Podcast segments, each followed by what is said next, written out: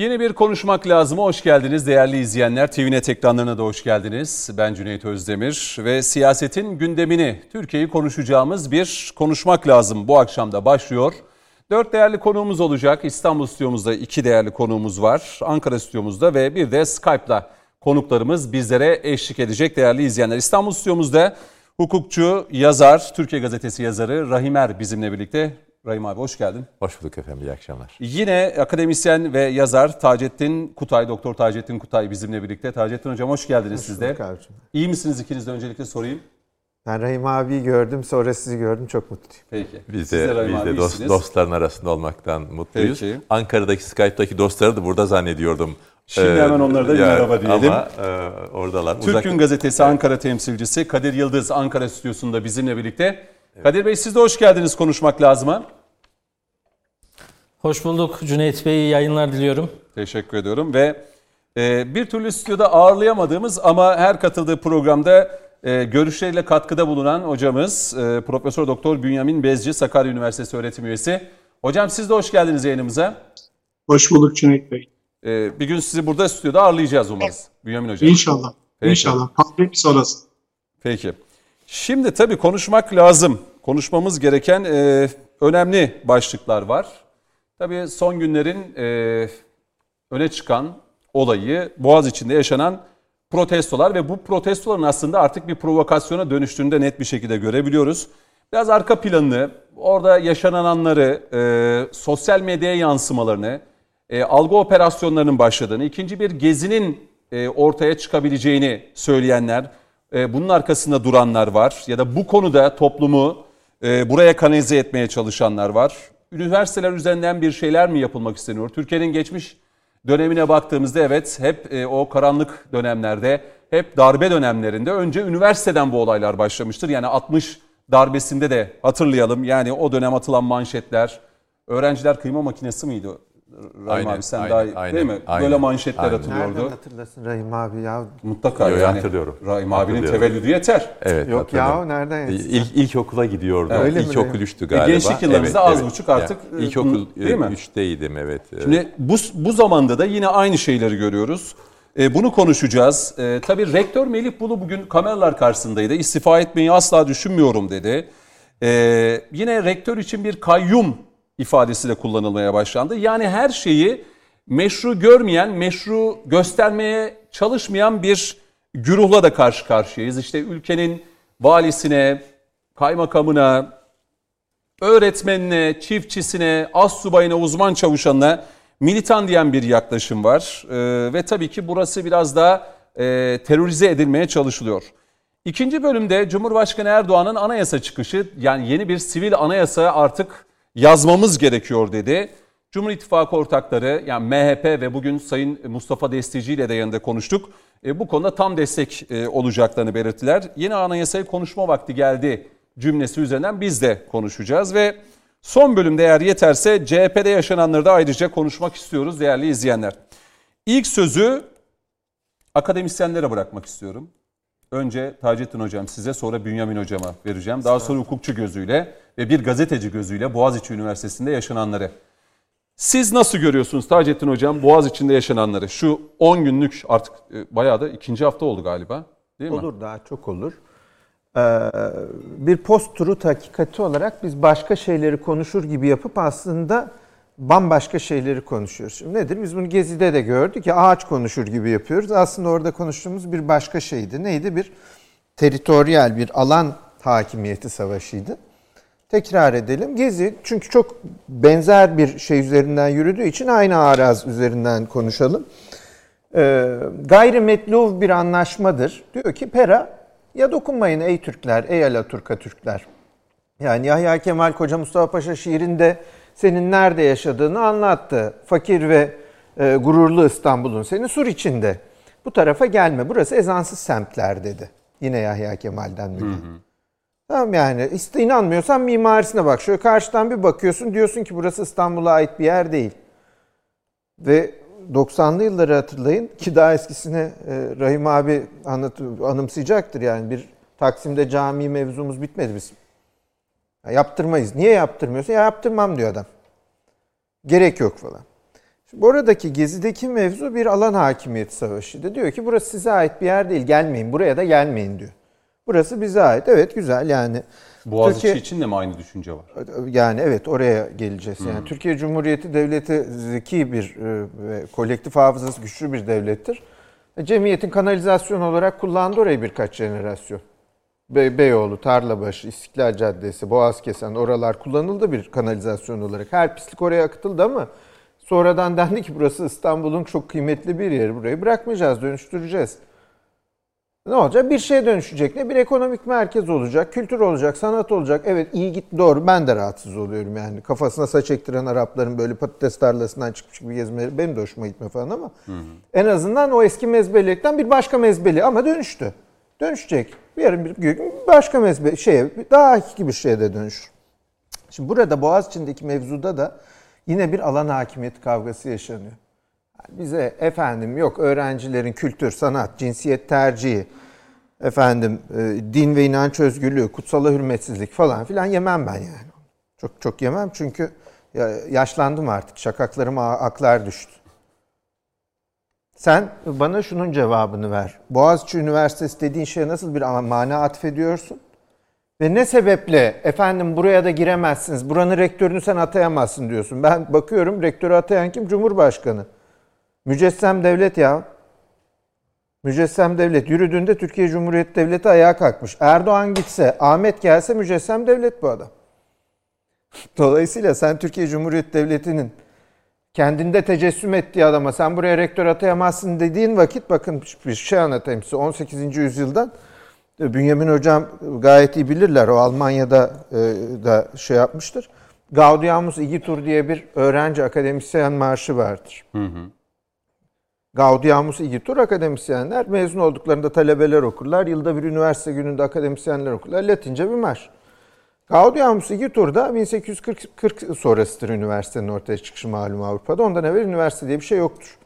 Yani üniversite diye bir şey vardır der. Mesela Viyana Üniversitesi 1365 der ama anladığımız anlamda bir akademi değildir. Akademi orta eğitimin üstüne bina edilen bir şeydir değil mi? Yok o eskiden. 19. yüzyılda kuruldu.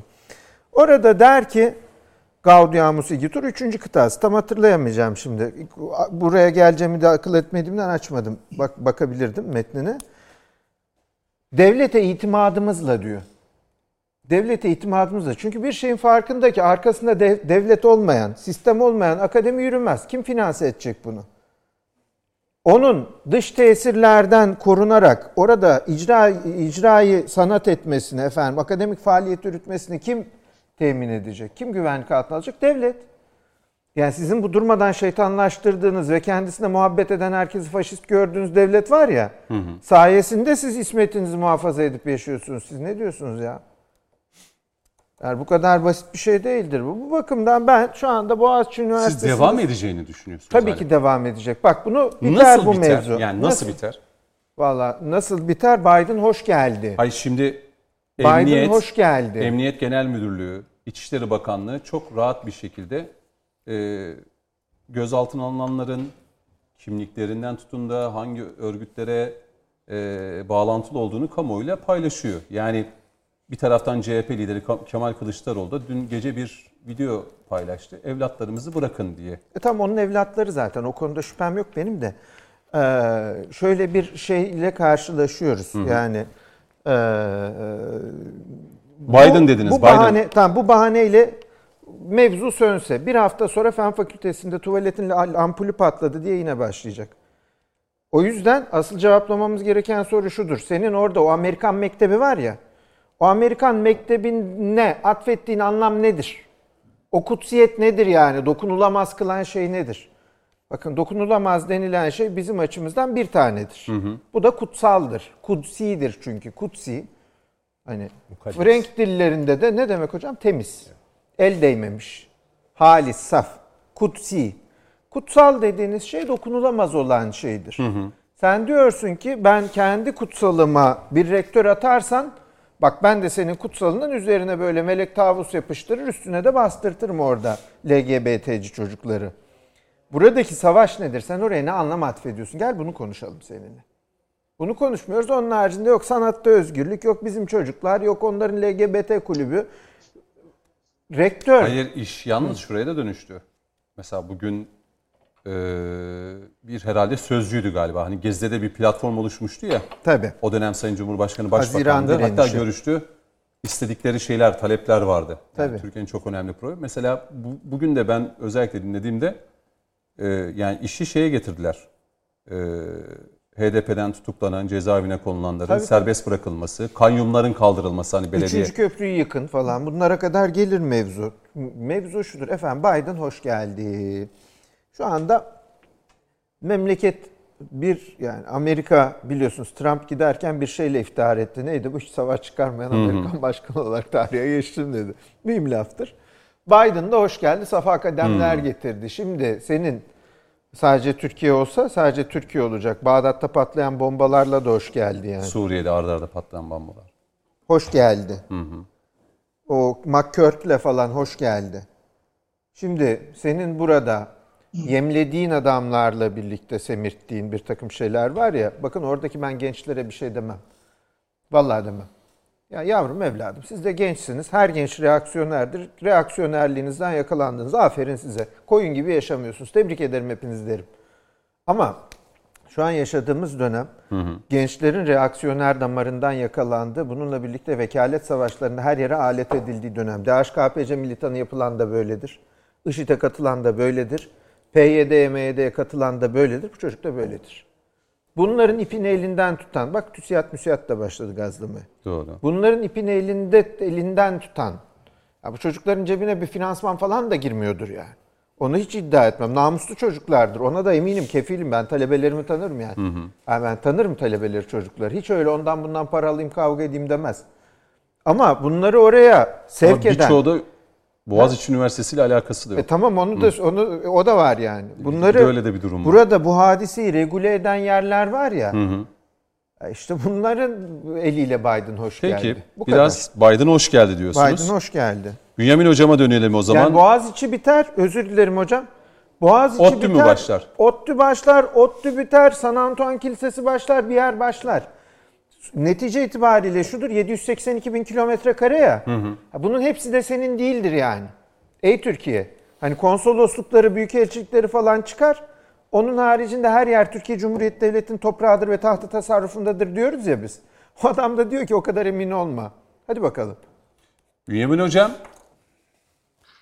Ee, iyi akşamlar diliyorum. diliyorum. Diğer e, müzakereci arkadaşlara da özellikle selamlarımı iletiyorum. Aleykümselam, iyi akşamlar. Şimdi e, şöyle bir şey var aslında mesela biz e, e, karşılıklı anlaşmalar çerçevesinde zaman zaman başka e, devletlerle işbirliği halinde üniversiteler oluşturuyoruz. Mesela Ta, e, Taceddin'in işte görev yaptığı üniversitede böyle bir üniversite, Türk-Alman Üniversitesi. Aslında bir tarafta e, mesela Türk-Alman Üniversitesi'nin rektörünü belirlemek için e, Alman Büyükelçisi'nin de söz hakkı var. Yani yani YÖK'ün işte beraber bir anlaşmamız var. Aynı zamanda benzer bir e, üniversitenin de işte Almanya'da açılması aslında gündemdeydi. Ya Boğaziçi aslında bunun gayri resmi hali. Yani Boğaziçi'nde de sanki Amerikan Büyükelçisi kendi e, diyelim ki hakkı varmış gibi davranıyor. Aslında e, hukuken baktığımızda öyle değil. E, bir taraftan e, içerik açısından baktığımızda evet bir misyoner okulu geçmişine dayanıyor Boğaziçi. Robert Koleji ve üzerine inşa edilmiş e, bir üniversite ve üniversitenin daha sonra devlet üniversitesine e, dönüşmesi bağlamında oluşmuş bir üniversite. Mesela 70'li yıllarda e, Rahim Hocam hatırlayacaktır. Aslında Boğaziçi kendisini bir nevi aslında İstanbul'daki o şiddetten, öğrenci şiddetinden uzak yer olarak bir şekilde övünüyordu. Yani kendisine ciddi bir şekilde öğrenci şiddetinin içine sokmayan, işte solun ve sağın çatışmadığı, herkesin daha özgürce e, bir arada olduğu bir üniversite hüviyetindeydi. Ama şimdiki mesela tepkiye baktığımızda yani ilk önce mesela tepki e, tipik bir Boğaziçi arogansı olarak, böyle bir Boğaziçi elitizmi olarak anlaşıldı. Yani dendi ki işte evet e, e, rektör beye karşı işte o efendim Boğaziçi değildi, işte Boğaziçi hatta Boğaziçi'ne girecek puanı al, alacak birisi değildi falan diye. Yani bu, bunlar mesela tartışmalarda çok anlamsız tartışmalar olduğu net olarak ortaya çıktı. Çünkü e, rektör bey de ODTÜ mezunuydu. Boğaziçi'nde yüksek lisans işte doktorasını yapmıştı. Hı hı. E, muhtemelen de Boğaziçi'nin birçok bölümüne girebilecek kadar da e, puan almış bir arkadaşımızdı aslında bakarsanız. Ama mesele biraz başka bir tarafa dönüştü. Yani işte e, evet dediler ki yasal. Yani bu atama. Evet gerçekten de yasal bir atama. Ama dikkat ederseniz bugünlerdeki tartışmada şu e, şöyle bir şeye çeviriyor. Yasal ama yasalın ardında aslında bir siyasal tercih söz konusu. Evet yani şimdi şunu anlamıyoruz ama burada. Evet her yasanın altında bir siyasal tercih söz konusu. Ve gerçekten yasalı yasal kılan şey de aslında o siyasal tercihti. O siyasal tercihi bir şekilde yasaya dönüştüren şey de aslında halkın gücü. Yani aslında Cumhurbaşkanı yani Boğaziçi Üniversitesi'ne rektör atarken işte e, kaleminin ucundaki imzanın gücünü değil, arkasında aldığı oyların gücünü kullanıyor aslında. Hı hı. Yani bunu mesela bu, bu, bu siyasallığı hala anlayabilmiş değiliz. Hala yeni siyasal sisteme, bu Cumhurbaşkanlığı hükümet sistemine zihnen de çok adapte olmuş değiliz. Ve biraz sonra belki anayasa tartışmalarında da gelecek önümüze. Hı hı. Aslında muhtemelen anayasa tartışmalarında da şu anda anayasa değişiklikleri dediğimiz şeyler temelde bu yeni sisteme, Cumhurbaşkanlığı hükümet sistemine bir uyum yasaları şeklinde olacak. Çünkü gerçekten e, yani bu geçiş e, süreci yani e, uzun bir süreç olacak. Bunu neyse bu tartışmayı bırakalım ama evet. buradaki tartışması bir anlamda işte e, şunu demek istediler. E, özellikle eleştirenler. Evet bu yasal bir atama ama bize yakışmıyor. Aslında niye yakışmıyor? Çünkü aynı zamanda siyasal bir tercih. Peki ama her tercih bir anlamda böylesine siyasal değil mi? Yani daha önceden mesela Marmara Üniversitesi rektörlüğü yapan işte bir arkadaşımız yani uzun sürede Cumhuriyet Halk Partisi'nde parti meclisi üyeliği yaptı. Hı hı, Hem de rektörlük yaparken. Yani ve şu anda şu anda mesela bizim mesela herhalde bunu bil, e, bilmiyor muyuz bilmiyorum ama akademisyenler olarak e, siyasal partilerin merkez karar organlarında görev alma hakkımız var. Yani Doğru. ben mesela bir akademisyen olarak yani tabii rektör rektör olduğum zaman, yönetici olduğum zaman onlardan istifa etmek zorundayım ama ben mesela hiçbir e, diyelim ki hiçbir akademisyen olmayan birisi olarak hı hı. E, bir siyasal partinin merkez karar organlarında e, görev alabilirim. Bu bir gerçekten akademisyenlere verilmiş bir anlamda farklı bir ayrıcalık. Yani demek evet. ki akademi de siyasal hayat zannettiğimiz kadar aslında uzak hayatlar değil.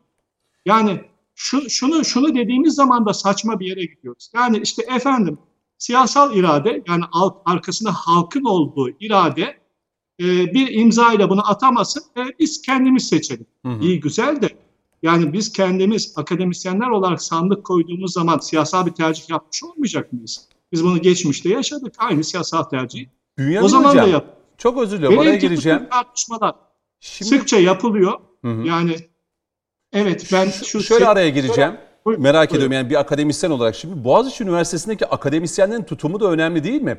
Yani Profesör Doktor Melih Bulu bugün çıktı asla istifa etmeyi düşünmüyorum dedi ama bir yandan e, hani atama yapacak e, o isimler de buna yanaşmıyorlar. Yani değil mi? Boğaziçi Üniversitesi'nde e, akademisyenlerin çoğu da biraz e, hani inisiyatif ele alsalar oradaki gerginliği ya da protestoları biraz daha dizginlemeye çalışsa bunu da göremiyoruz. Ee, bir yandan da şöyle, rektör şöyle Melih Bulu diyor ki asla istifa etmeyi düşünmüyorum ve iddialı bir şekilde diyor ki ilk 200'ün içine sokmayı düşünüyorum diyor. Bunu öğrencilerimle birlikte yapmayı düşünüyorum. Hedefim bu diyor. Bakın yani Cüneyt Bey şöyle bir durum var aslında. Hmm. Biz e, e, YÖK'le birlikte yani hmm. YÖK'ü falan çok eleştiriyoruz ama YÖK'le birlikte Amerikan vari üniversite sistemine geçtik.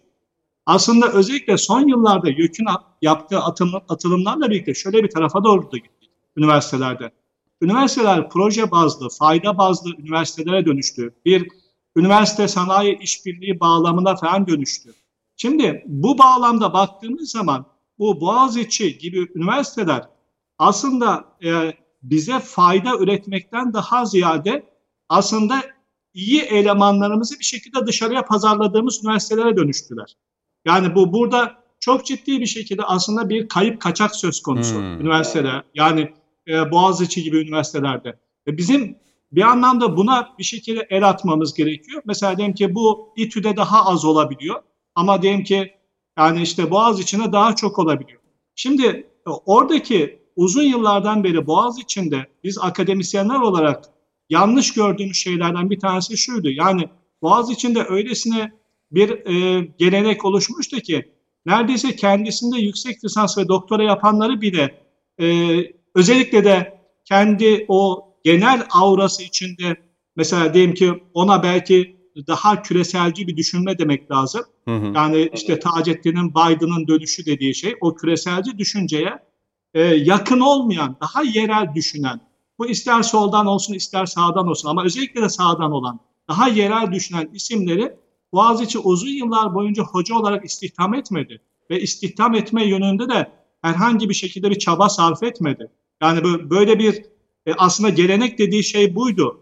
Yani bir, bir anlamda biz hani Boğaz içinde geleneği yıkarken aslında e, Boğaz içini yıkmıyoruz.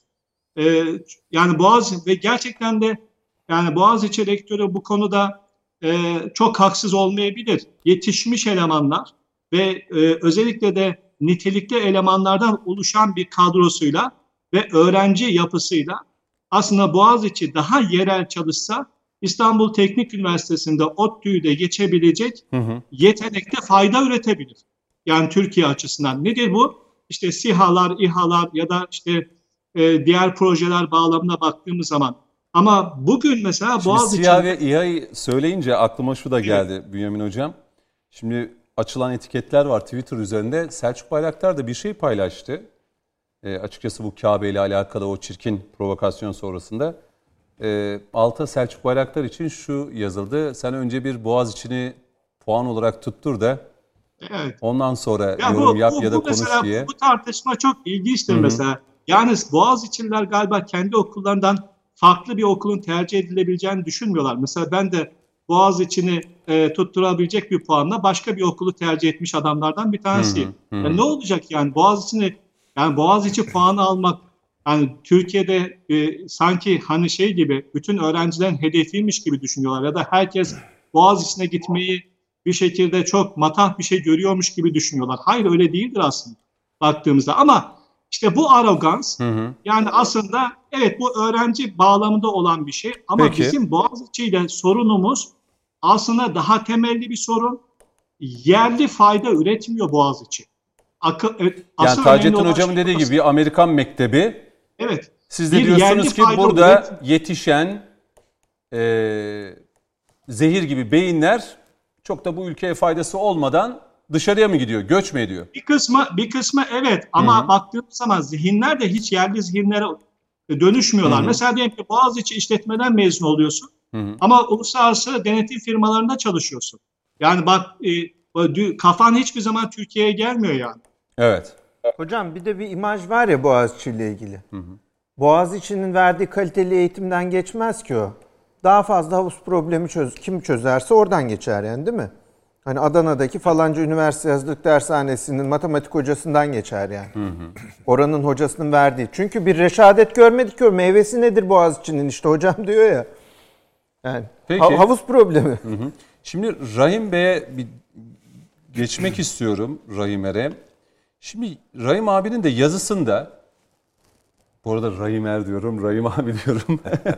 ee, yazının aslında tamamı yaşananları yani Boğaziçi Üniversitesi'nde yaşananları anlatıyor geçmişten örnek vererek. Tabii son cümle önemli Rahim abi. Ben iki asırdır nerede nasıl hatalar yapıyorum ki evlatlarımı çalıp çalıp bana ülkeme ve mukaddeslerime düşman edebilmekteler diye de sormuşsun devlet, ve yazıyı... Devlet bunu kendine sormalı diyorum. Anne bunu. babalar da sormalı mı?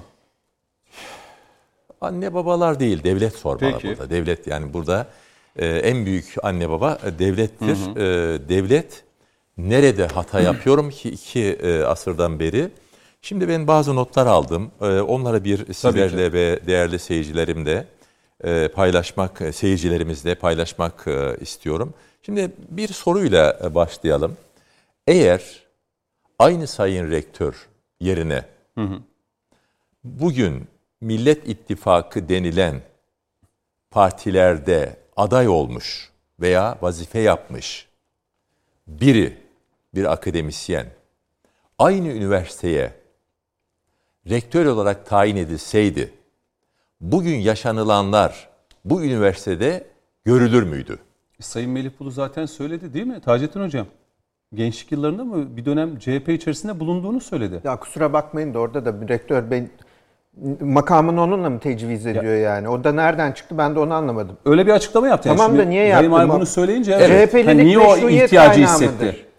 CHP'lilik meşruiyet kaynağı mıdır? Sayın Rektör. Rahim abi de onu herhalde soruyor değil mi? Evet yani e, millet e, e, evet Millet İttifakı'nı teşkil eden partilerden e, biri yani CHP, İyi Parti, HDP e, ve e, o gruba dahil başka e, ufak partiler varsa bunlardan birinde vazife yapmış veya aday olmuş e, veya oraya muhabbet duyan, tercihi belli olan birisi Boğaziçi Üniversitesi'ne rektör tayin edilseydi Sayın Cumhurbaşkanı tarafından bunlar yaşanılacak mıydı? Yaşanmayacaktı.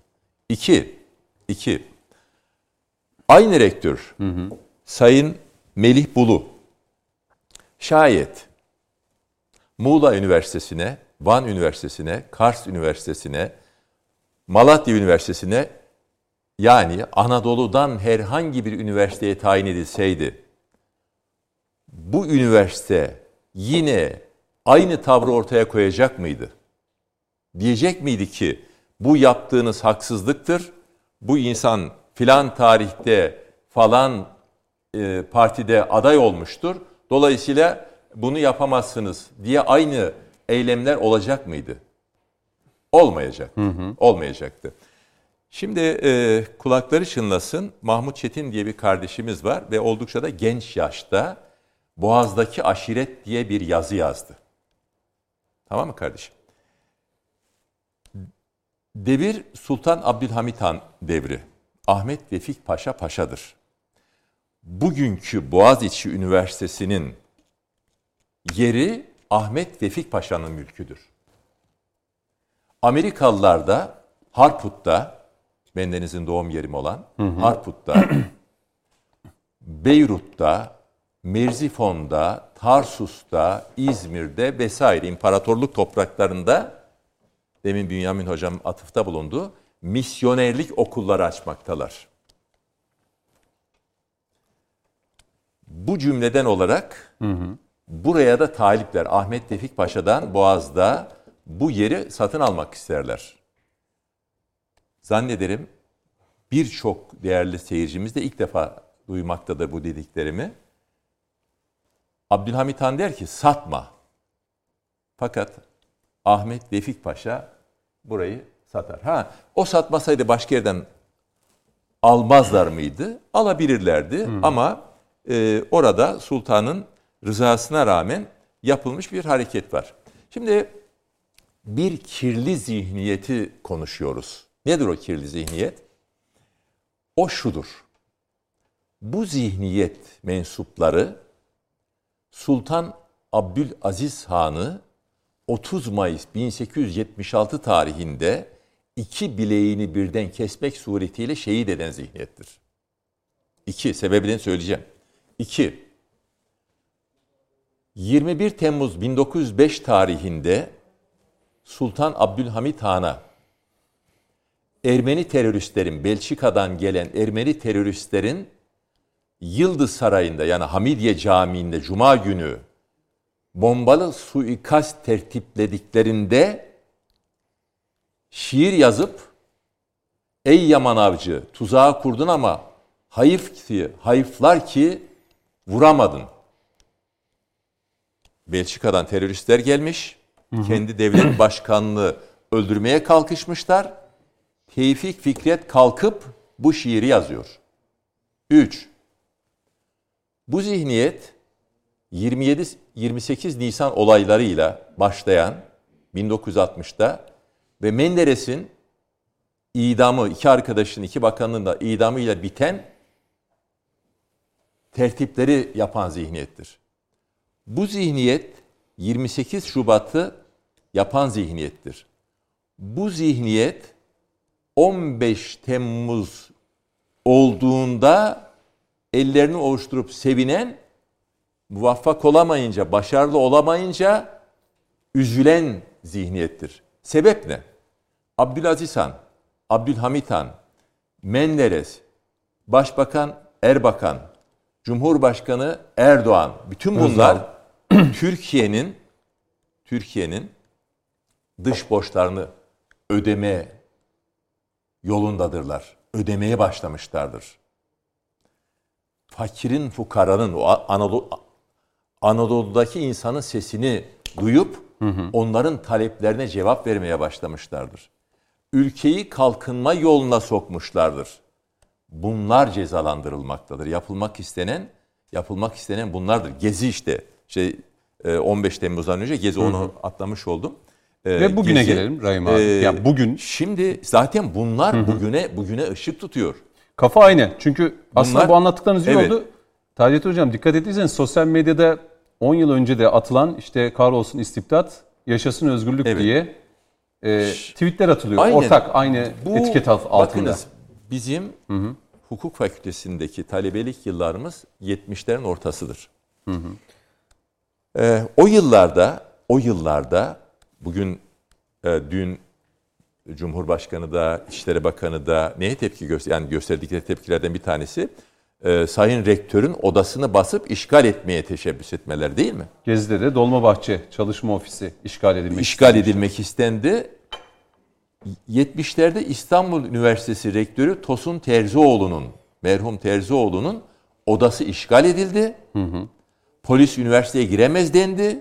Polis üniversiteye giremedi ama bunlar rektörün odasını işgal edip koltuğunu pencereden attılar. İki, ODTÜ'de Orta Doğu Teknik Üniversitesi'nde rektörü ziyarete gelen Amerikan elçisinin otomobilini re, e, misafir içeride rektörle görüşürken hı hı. dışarıda üniversite bahçesinde rek, e, büyükelçinin otomobilini yaktılar. 3 3 12 Mart'tan sonra İsrail konsolosunu kaçırıp öldürdüler. Şimdi demin soruyordunuz ya e, Taceddin Bey'e bunlar devam edecek mi diye. Hı hı. Bu zihniyet Sultan Aziz'den bu yana devam ettiğine göre bu zihniyet devam edecektir. Devam etmemesi için, bu olayların son bulması için ne yapılabilir sorusunu birazdan soracağım ama Kadir Yıldız şu an bizi bekliyor. Ben eğer Kadir kardeşine Bu bölümde tekrar ederse, vereceğim. Söz vereceğim. Pekala, vereceğim. Pekala. Bu bölümde tekrar vereceğim söz. Kadir Yıldız'ı da e, hani Ankara'da o tek ya şu, başına kaldı. Şu cümleyle müsaade tabii, edersek tabii. Bir, bir tek cümle sonra sonra Hı-hı. diğerlerini söylerim. Siz de hedef, mi devam edeceğini düşünüyorsunuz? Hedef hedef hedef Hı-hı. iktidarı devirmektir. Hedef hadiseyi büyütüp Hı-hı. yani bakınız e, gezi olayları ne oldu? Bayburt tarih 80 vilayete yayıldı, sirayet etti. Taksim'de başladı. 80 vilayete sirayet etti ve bir ayda zor bastırıldı. Hedef neydi? İktidar devirmekti. Hı hı. Bugün de Tencere hedef tava. iktidardır. Hı hı. Bunun arkasında emperyalist güçler vardır. Boğaziçi'li gençleri bu emperyalist e, sömürgeci zihniyet kullanmaktadır. Uyanık olsunlar. Peki. Dervişin paçası itten, yakası bitten, ensesi Yezid'den azad olmazmış abi. Hoş geldin. Evet. Biden dediniz zaten. Ee, siz de öyle düşünüyor musunuz Rahim abi? Biden'ın hoş gelmesiyle birlikte. Şimdi Irak, Biden, Suriye'de yaşananları şöyle, Biden, çok kısa yani hani bağlantı kuruyor musunuz Biden Hocam? adayken hı hı. bir haddini aşan açıklama yaptı. Ben iktidara geldiğimde evet. Türkiye'de muhalefeti kullanıp Erdoğan'ı e, devireceğim gibi son derece çirkin bir cümle e, kullandı. Sayın Kılıçdaroğlu da dostlarımızla ama, birlikte ama Shakespeare der ki, o söz Shakespeare'indir, taş giyen baş akıllanır e, müesses nizam orada elbette ki Biden'ı akıllandıracaktır. Böyle bir şey yapmak haddine değildir. Ne var ki bizdekiler abi bizi unutma havasındadırlar. Kadir kardeşimden hmm. tekrar özür diliyorum. Çünkü ben. New York Times e, Amerikan basının e, önemli yayın organları da şu an bu olayı e, ciddi anlamda gündemden almış durumda. Yani ilk sayfaları taşıyorlar şu an itibariyle. Onu da söyleyelim yani, yani Amerika çok da bu o, olaylara... O, o basının arkasında Siyonist evet. güçler olduğunu unutmayalım. Doğru. Ama. Yani BBC, e, Tabii CNN International, işte New York Times Senato'daki gibi. Senato'daki öküzlüğü çıkarsınlar gündemden de bir. Duyamadık Taceddin. Kongre, o senatodaki ha. o öküzü biçli, öküz boynuzluyu bir unuttursunlar dünyaya da bir.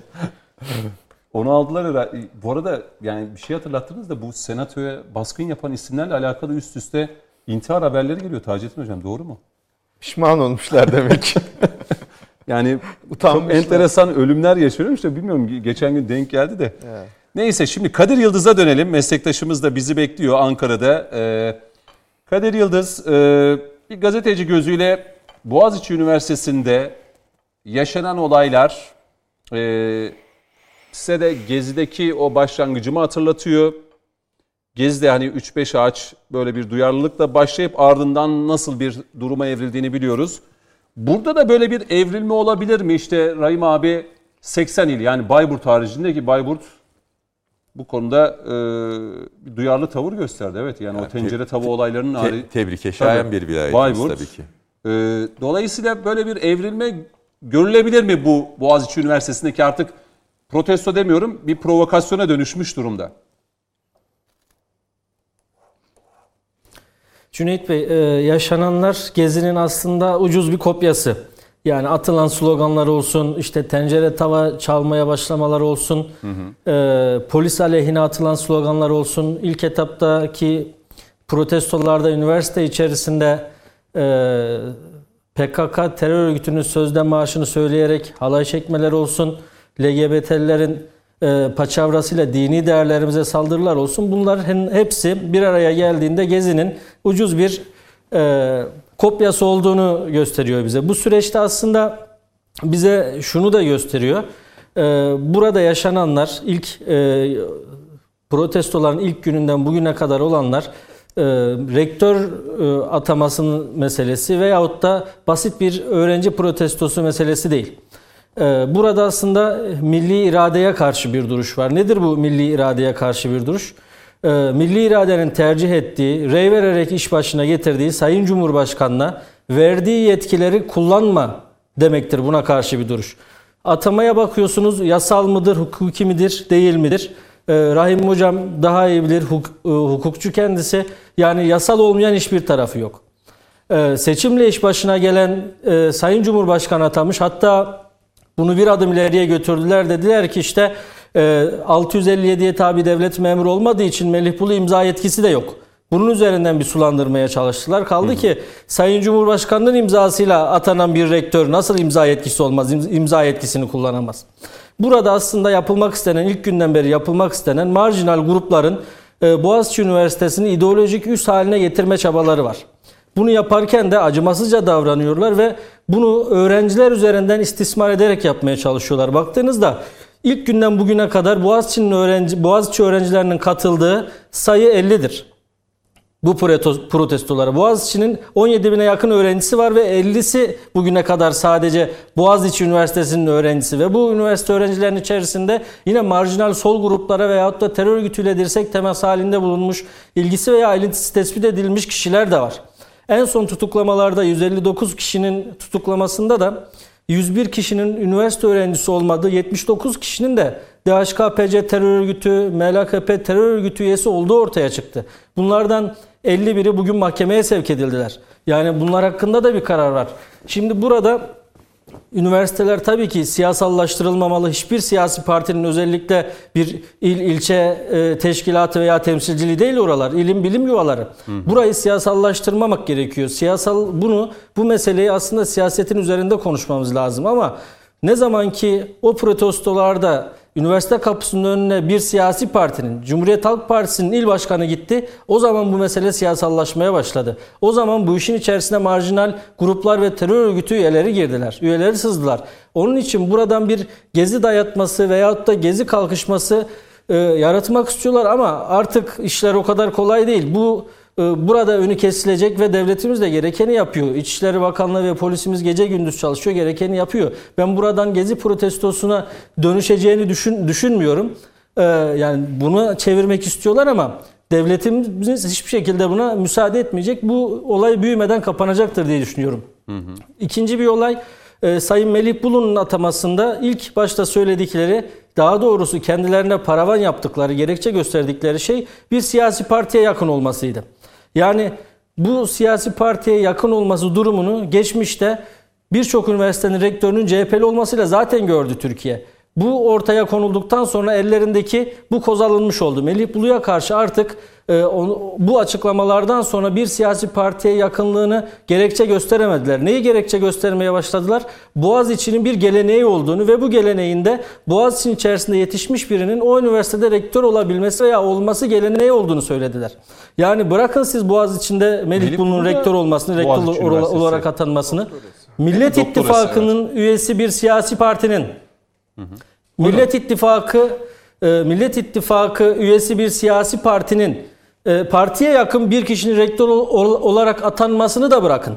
Yurt dışından Almanya'dan, İspanya'dan, İtalya'dan, Brezilya'dan birisi getirilip e, atanmış olsa yine sesleri çıkmayacaktı. Melih Bulu'ya karşı gösterdikleri tavrı o yurt dışından getirdiğiniz rektöre karşı yine göstermeyeceklerdi. Çünkü Boğaziçi'nin geleneğinde bu var. 1971'e kadar Boğaziçi'nde o zamanlar tabii ki kolejdi ama Türk bir isim gelmedi. Türk bir isim yönetmedi. Yabancı isimler yönetti. 1971'den sonra Türk isimler yönetmeye başladılar üniversite olduktan sonra. Kaldı ki Öyle bir nasıl bir gelenektir ki bu? Üniversitede lisans eğitimini tamamlayan işte 5 yıl 6 yıl eğitim gören birisi o üniversitenin bünyesindeki bir olarak kabul ediliyor. Ama o üniversitede yüksek lisansını yapmış. Doktorasını yapmış. 8 yılda o üniversitede ders vermiş, öğretim görevli yapmış birisi o üniversitenin bir parçası olarak görülmüyor. Yani böyle bir gelenek olabilir mi? Sanki milattan önce e, bir sürece dayanan Boğaziçi'nin geleneği var da Melih Bulu'nun atanması bu geleneği yıkmış, bertaraf etmiş gibi bir algı oluşturulmaya çalışılıyor.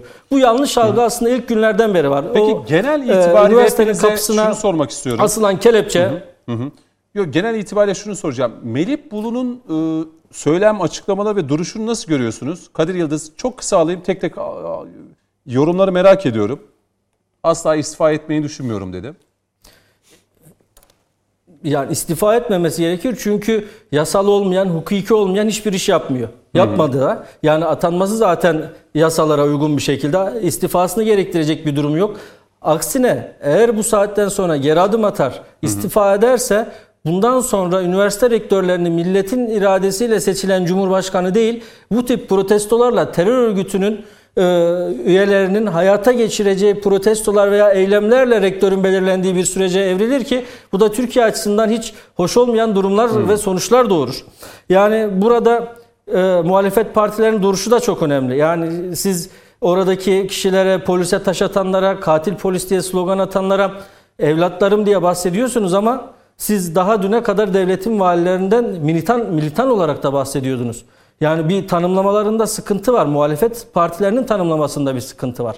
Bunu sadece Cumhuriyet Halk Partisi yapmıyor. İyi Parti Grup Başkanı Bence vekili, bilinçli olarak yapılıyor. e, Lütfü Türkkan'ın da mesela bugünkü açıklamasında. Tabii ki bilinçli olarak yapılıyor bunlar. Yani Türkiye'deki istedikleri o, o kaos ortamı e, veyahut da kriz ortamının öğrenci kisvesi altında. Yani Türkiye'deki bütün siyasiler, gazeteciler, bu işi izleyenler, gözlemleyenler öğrencinin kim olduğunu da teröristin veya teröriste yaltaklık edenlerin de kim olduğunu gayet iyi bilip ve ayırt edebilecek kabiliyettedirler. Evet. Bunun idrakında insanlardır. Bunu sadece muhalefet partileri görüyor ya da göremiyor diyemeyiz biz.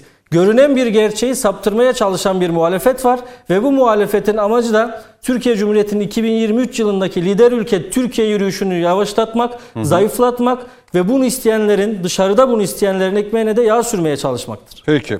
Şimdi e, Taceddin Hocam, e, Gezi'de Sırrı Süreyya Önder'i görmüştük hatırlayalım. Değil mi? Burada da Canan Kaftancıoğlu'nu ilk önce gördük. Sonra Ahmet Şık, Barış Atay.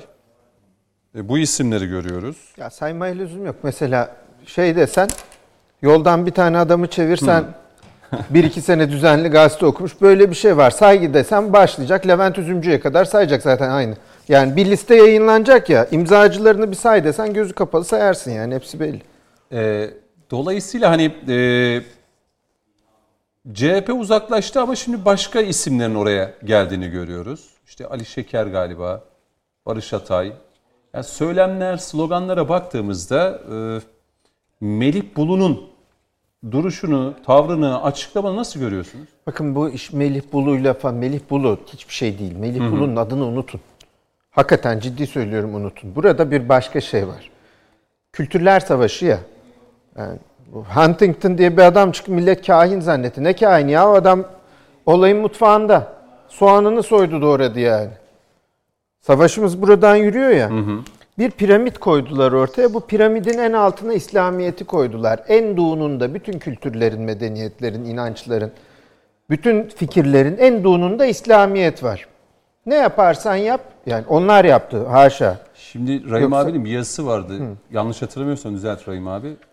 Hira Dağı'nın çocuklarıyla Olimpos Dağı'nın çocukları hep böyle bir şey kıyaslama da yaparlar. Burada da böyle bir durum mu söz konusu Taceddin Hocam? Burada bak evet var yani bizim bir üstümüzde Hristiyanlık var. Hristiyanlık da o kadar kötü değil ama o kadar da şey değil. Mesela bir Last Temptation of Christ diye bir film çekersin. Hazreti İsa, İsa'yı içkici müptezel yaparsın falan. Onun üstünde bu seküler sapıklıklar var. En üstte hiç dokunulmayacak. Müberra bir Yahudilik var. Kimse dokunamaz yani. Bir tenkit et bak başına neler geliyor. Ne holokostçuluğun ne antisemitliğin canın çıkar. Şimdi burada Nevşin Mengi'den yaşanan- biliyoruz onu.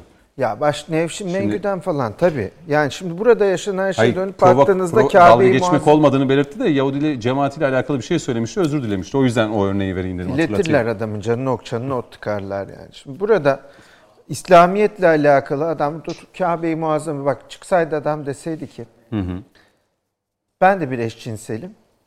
Bir iki tane namuslusu çıksaydı yani. Pek denk gelmiyoruz ama ben de bir eşcinselim fakat burada da Kabe diye mukaddes bir şey var deseydi. Bunun da böyle halaldar edilmesini, ismetinin gönlüm razı değil deseydi helal olsun derdim ya. Neticede kamusallaşmamış eşcinsellik bizim burnumuzu sokabileceğimiz bir şey değil. Adamın tercihidir derdim. Fakat burada mevzu şuraya geldi. Bu Amerika'nın bize dayattığı bu şey var ya 11 Eylül sonrası bu paradigma. Ben senin Kabe'nle ilgili her türlü tezyifatı yaparım. Ama LGBT ile ilgili ağzını açtığın anda sen birden cinsiyet ayrımcısı bilmem ne sapık olursun. Bakan Soylu'nun tweet'i. Herkesinki. Evet. Burada bize dayattıkları şey, bizi ikna etmeye çalıştıkları şey bizim cümle cihanınduğununda insanlar olduğumuzdur. İnancımızla, kültürümüzle, tefekkürümüzle bize bunu ikna etmeye çalışıyor. Boğaziçi'ndeki kavga şimdi budur. Sen benim LGBT'ci çocuklarım var ya Yahudiliğin bir altında yer alan değer kategorisidir o. LGBT'cilik o da onun içindedir yani. Seküler sapkınlıklar. Bu Sodom ve Gomorre çocukları var ya. Bunlar İslamiyet'ten çok daha yüce ve tenkit edilemez, ağza alınamaz yüce şeylerdir. Ya 20 senedir üstümüzden tank geçti, tır geçti Müslümanların. 20 senedir. Başımıza gelmedik, işitmediğimiz şey kalmadı. Dünya geneli Müslüman. için diyorsun. E tabi dünya geneli için söylüyorum. Yani işitmediğimiz hakaret. E, Türkiye'de de baksana İlahiyat Fakültesi'nin profesörü çıkıyor. Bir miydi üç müydü karar veremiyor Allah'a yani. Taceddin Yani Hocam Türkiye'de bugün bu siz ben böyle çok yani gergin gördüm. Yani böyle paradigma. açıklamalarla vesaire böyle Evet. aslında çok şey söyleyeceksiniz de biraz böyle kontrollü gidiyorsunuz. Onu görüyorum. Ee, kontrollü gitmem lazım. Kontrollü gitmem lazım ama bizi şunu söyleyerek bitiririm ve devrederim sözü. Ben bugün bir hasta bakıcıya sinirlendim. Sevgili Sağlık Bakanımıza da arz ederim. Ee, 82 yaşında hastana fırça atarak bakamazsın hasta bakıcı. Adam ol yani. Ama yazılı şikayet edeceğim için şimdi çok fazla yayında söylemeyeyim. Fakat şey işte bu şehir hastanelerini yapıyorsun. Bütün teşrifatını yapıyorsun. Tefrişatını o kadar güzel yapıyorsun oraya. Geldiği dağ başıyla buranın arasındaki farkı ayırt edemeyen adamları da koyuyorsun. Ondan sonra kahraman, kahraman sağlık personelimiz böyle yani. Tabii bütün genele şey yapmayalım Ayrıca ama işte... genele teşmil edilir mi? Bu bir mutlaka. tanesinden Tabii ki, bahsediyorum. mutlaka. Ondan geldi. Keşke hepsi biraz. o iyi niyeti gösterebilse ki hepsi çoğunun Fin iyi netice- niyetli olduğunu görüyoruz. bir netice şunu söyler bitiririm. Bize gelenek diye anlattıkları şey, gelenek dediğiniz şeyin en önemli özelliği bilafasıla gelmesidir. Kopuk olan şeyin ardılı, arkası mitostur. Yani bir tedrici olarak gelecek el ele el hakka vardır ya, kopmayacak. Koptuysa gelenek gelenek değildir. Bize anlattıkları şey uydurma bir şeydir. Nasıl şimdi sağda solda Osmanlı uyduruyorlar, bak Osmanlı kalemi diyor falan. Osmanlı şerbeti diye bir şey uyduruyor yani. Osmanlı bisküvisi diyor. Atıyor kafadan ya. Gelenek ihtiyaç hissediyor. Sınıfsal bir şey. Boğaziçi de böyle sınıfsal Burada bir lokal- sanal, lokal mi kalır? Sınıfsal bir sanal üstünlük ihtiyacından uydurdukları, icat ettikleri bir şeydir. Altına aldıkları şey Alaturka değerlerdir. Ya sen kimsin Alaturka değerleri bu memlekette altına alıyorsun ya? Bir üstten bakış var mı o Nobran hani dediğimiz? Var da arkası boş. Hani benim karşımdaki adam bir şey olsa, arkasını bir yere dayamış olsa Hani şeye bakıyorum ben mesela şimdi batıdaki, Avrupa'daki tiplere bir bakıyorum. Adamın arkasında bir gelenek var. Ben bir tanesiyle muhatap oldum. Adam Fransisken keşişi. Bir şey söylüyor. Adamın arkası çok dolu. E diyorsun ki yani karşımdaki hürmete değer bir adamdır. Ceketimi bir ilikleyeyim. Bu fazladan havuz problemi çözmekle boğaz içine girmiş bir çocuk. Ve bunun şımarıklığıyla diyor ki bütün Alaturka değerler benim donumdadır. Ha, değildir yani. Peki. Mesele bundan Kaç ibaret. dakikamız var yönetmenim? İki dakikamız var. İki dakikayı Bünyamin Hocam size vereyim isterseniz. Reklama gideceğim bir iki üç dakika. Hani genel itibariyle rektörün tutumu yani Sayın Taceddin Kutay hani rektörü unutun dedi. Yani bambaşka bir olayla karşı karşıyayız diyor. Ee, burada mı kalır yoksa başka üniversitelerde de buna benzer olayları görebilir miyiz? Yani şimdi biz bu üniversite meselesini belki de tartışmaya fırsat bulabilirsek bu vesileyle ne güzel olacak.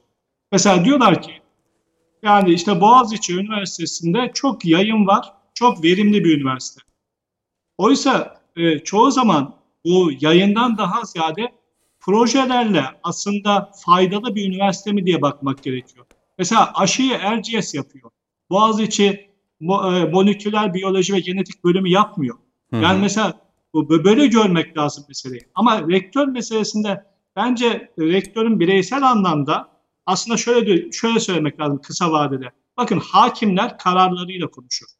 Akademisyenler de işleriyle konuşur. Yani yani akademisyenler gidip devamlı bir şekilde basına açıklama yapmak zorunda değildir. İşiyle konuşur, işini yapar. Aslında işine konsantre olması doğrusu bence rektör bey için çok daha anlamlı olurdu. Ama maalesef yani biz akademisyenler siyaseti bu anlamda çok fazla bilmiyoruz ve sanki konuşunca bir şeylerin düzelebileceğini zannediyoruz. Yani öyle bir hata da yapıyoruz gerçekten. Ama başka üniversitelere yayılabilir mi? Yani çok düşünmüyorum. Yani böyle çok yaygın olabileceğini bütün bir olayın. Çünkü en nihayetinde o kadar geniş bir sosyal iletişim ağı söz konusu ki mesele her bir bir, bir taraf bir şey söylediğinde öbür tarafta başka bir şey söylüyor. Aslında bu tartışmalar içinde belki de bir ara üniversiteyi tartışabiliriz. Yani üniversiteleri mesela şeyi tartışabiliriz. Üniversitede rektör gerçekten böyle mi atanmalı? Yoksa işte mütevelli heyetleri falan mı oluşmalı? Anadolu'daki üniversiteler nasıl olmalı? E, her üniversitede bir değil. 200 üniversite var. Doğru, doğru. Ya bir de Bünyamin Hocam şey yok mu? Boğaziçi'li çocuklar diyor ki bizim üniversitemiz o kadar seçkin ki kimse dokunamaz. Cumhurbaşkanı bile ha, hepinizin üstündeyiz biz. Olimpos Dağı'nın tanrılarıyız. Çukurova Üniversitesi'nin çocukları da Ama- doğru siz öylesiniz. Biz salağız diye orada ayağa mı kalkacaklar? Böyle bir şey mi bekliyorlar yani? Yani bir, bir, bir de şey var gerçekten dokunamaz dediği Cumhurbaşkanı. Yani Amerikan Büyükelçisi bir tane rektör atasa hiç öyle demeyecekler. Evet, bu, bu önemli, bu son cümle önemliydi. Yani Amerikan Büyükelçisi bir rektör atasa e, bunlara sesini çıkarmayacaklar. Peki, konuşmak lazıma devam edeceğiz. Dönüşte Rahimer e, size belki son bir cümle vereceğim büyük olarak. Belki bu mes- e, konuyu kapatacağız. E, ikinci bir konu başlığına geçeceğiz değerli izleyenler. Saat başına doğru yeniden buradayız.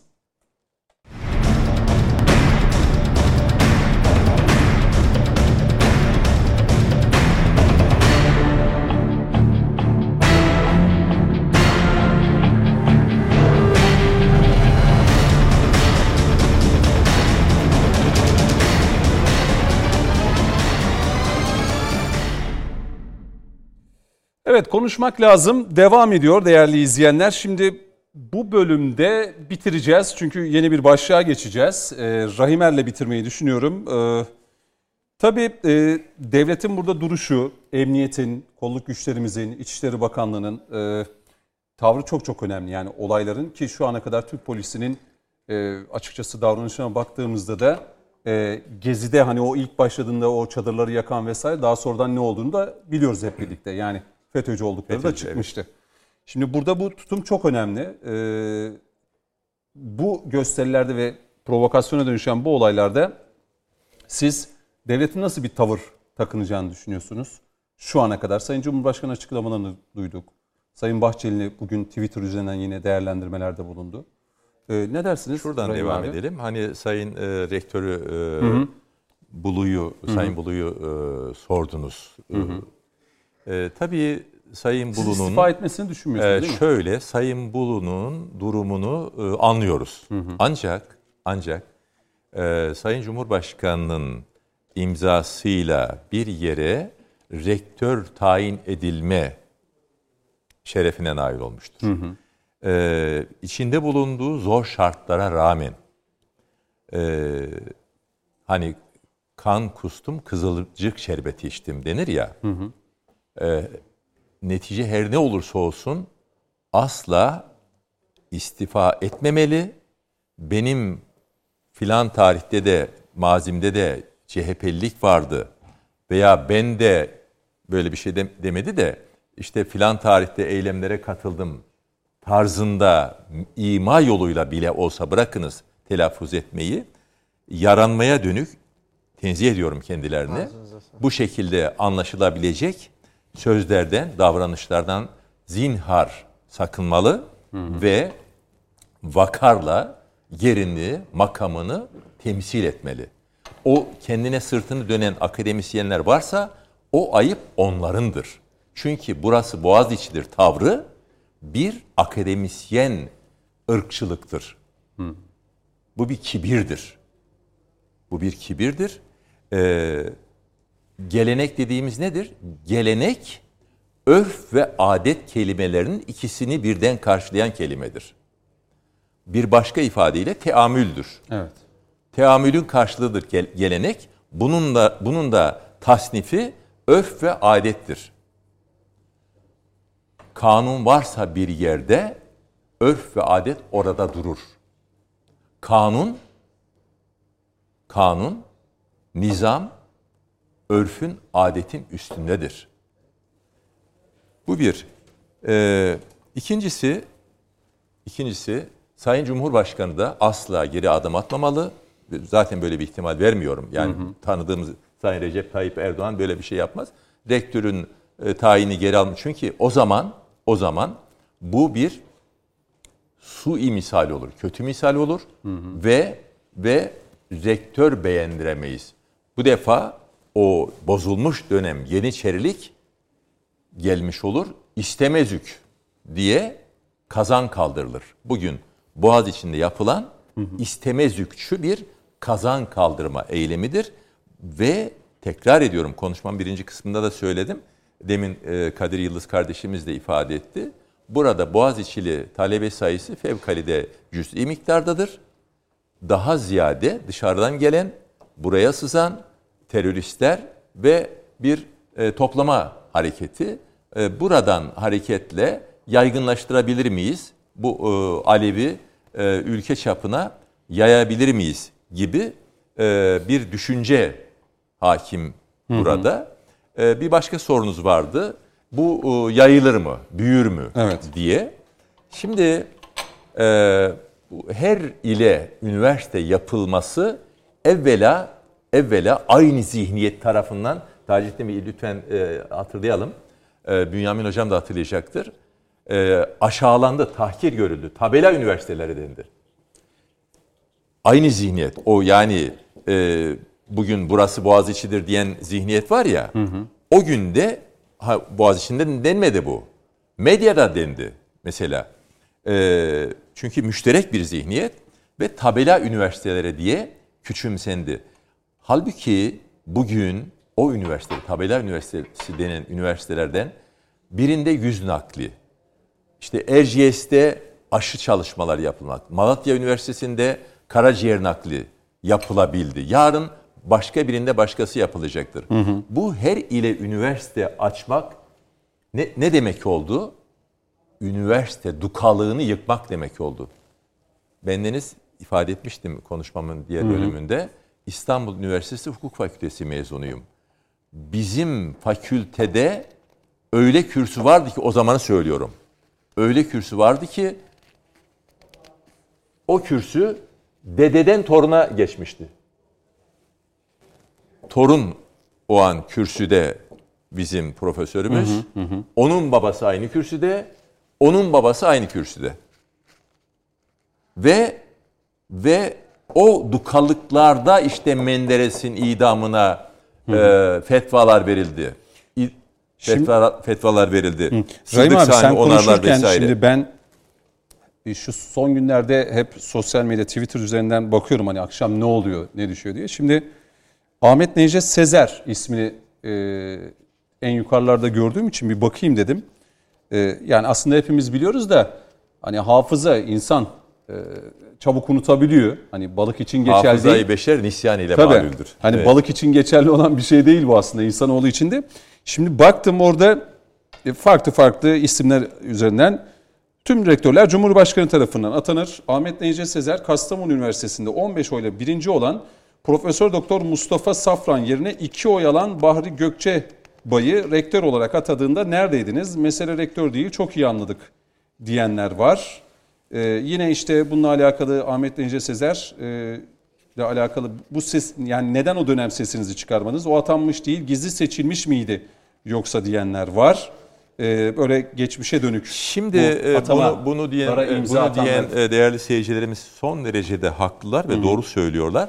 Bu arada Bütün- Melih Bulu yalnız, yalnız değildir etiketi de en üst tepede. Güzel. Böyle her gün Ee, bir şey oluyor. Şimdi bu e, seyircilerimizin dediklerini ve demek istediklerini bir cümleyle ifade edeceğim. Tabii. Ondan sonra sözü size bırakacağım tekrar. Efendim mesele mesele Boğaziçi Üniversitesi'ne Robert Kolej ruhunu hakim kılmak isteyenlerle burayı bir Türk üniversitesi, milli bir üniversite yapmak isteyenlerin mücadelesidir. Nokta. Rahim abi. Bu. Tamam peki. Tamam kardeşim? Şimdi yine baktım etiketlere. Taceddin Hocam. e, her yer Boğaziçi, her yer direniş başlığını Evet, görüyoruz. Taceddin Ondan kardeşim, sonra- çok çok e, Cüneyt Tabii Bey, çok- aşağı bakmayacağız konusuyla alakalı bir cümle sarf eder misiniz? Ben müsaade Tabii. buyurursanız eğer çok özür dilerim. Haşa Taceddin Bey. abiciğim. Ee, şunu unutmayalım bu notlarımın arasında ee, hani zihniyet üzerine duruyoruz ya. Malazgirt işgaldir denen insanlar gördük biz bu topraklarda. Hatırlayalım işte. şey vardı. İşte yani Ee, zulüm Bizans zulüm 1400 kalpağını mı diyelim ne diyelim? hani? Zulüm 1453'te Tamam işte onu giyip, başladı diyen yaşananları. zihniyet. Yani mücadele, mücadele Malazgirt şanlı bir zaferdir. İstanbul'un fethi mübarek bir fetihtir diyenlerle buna düşman olanların mücadelesi. Ha bu bir avuçtur sesi çok neden? Çünkü arkasında o emperyalist dü- dünya vardır. İki asırdan beri bunları kullanmaktadır. Çok teşekkür ederim. Her yer. Boğaziçi, her yer direniş etiketinde mesela bir hesap. O, o- onun üzerinden belki yorumunuzu merak ediyorum. Estağfurullah. Yol TV diye bir hesap. Ya işte boş şeyler onlar. Yok yok. Bunlar Bir söyle- birkaç cümle diyor ki Melih Bulu Boğaz için çok hafife alıyor. 6 ayda sürse, 1 yılda sürse gitmeyeceğiz diyorlar. Ve burada duru- duracak cesaretimiz de var. Yani bununla alakalı yine hani Gezi'de gördüğümüz o bir organize kitle vardı. E, burada da şu anda sosyal medyayı çok etkili kullanıyorlar. Onu görüyoruz. E, işte İzmir'de yaşanan olaylar varmış vesaire. Türkiye'nin farklı noktalarında da böyle küçük de olsa o olayları büyüterek bir algı yaratma çabası içerisindeler. Yani sosyal medyada açılan etiketlerde de baktığımızda aşağı bakmayacağız. Üzerinden bir algı oluşturmak istediler. Ben onunla ilgili bir tweet attım da şimdi şey yapmayayım şimdi oraya girmeyeyim. Peki. Ama Hadi şurasını- bitirelim bu bölümü bitirelim. Bu anayasa. Bitirelim sadece bir şey söyleyeyim bununla ilgili o zaman. Postmodernitenin çok önemli yani orada Bünyamin hocam varken bir postmodernite okuması kusura bakmayın hocam. Haddimi aşar ama yani formun fonksiyonun önünde olduğu bir dönem olarak okunur postmodernite. Form fonksiyonun önündedir. Yani ne biçime sahip oldun ne işe yaradığından daha önemli. Şu an Boğaziçi bildiğiniz bu anlamıyla postmodernite dediğiniz şeyin aslında bir şeyi, melabegahı yani. Oyunlar orada oynanıyor. Bu da ne?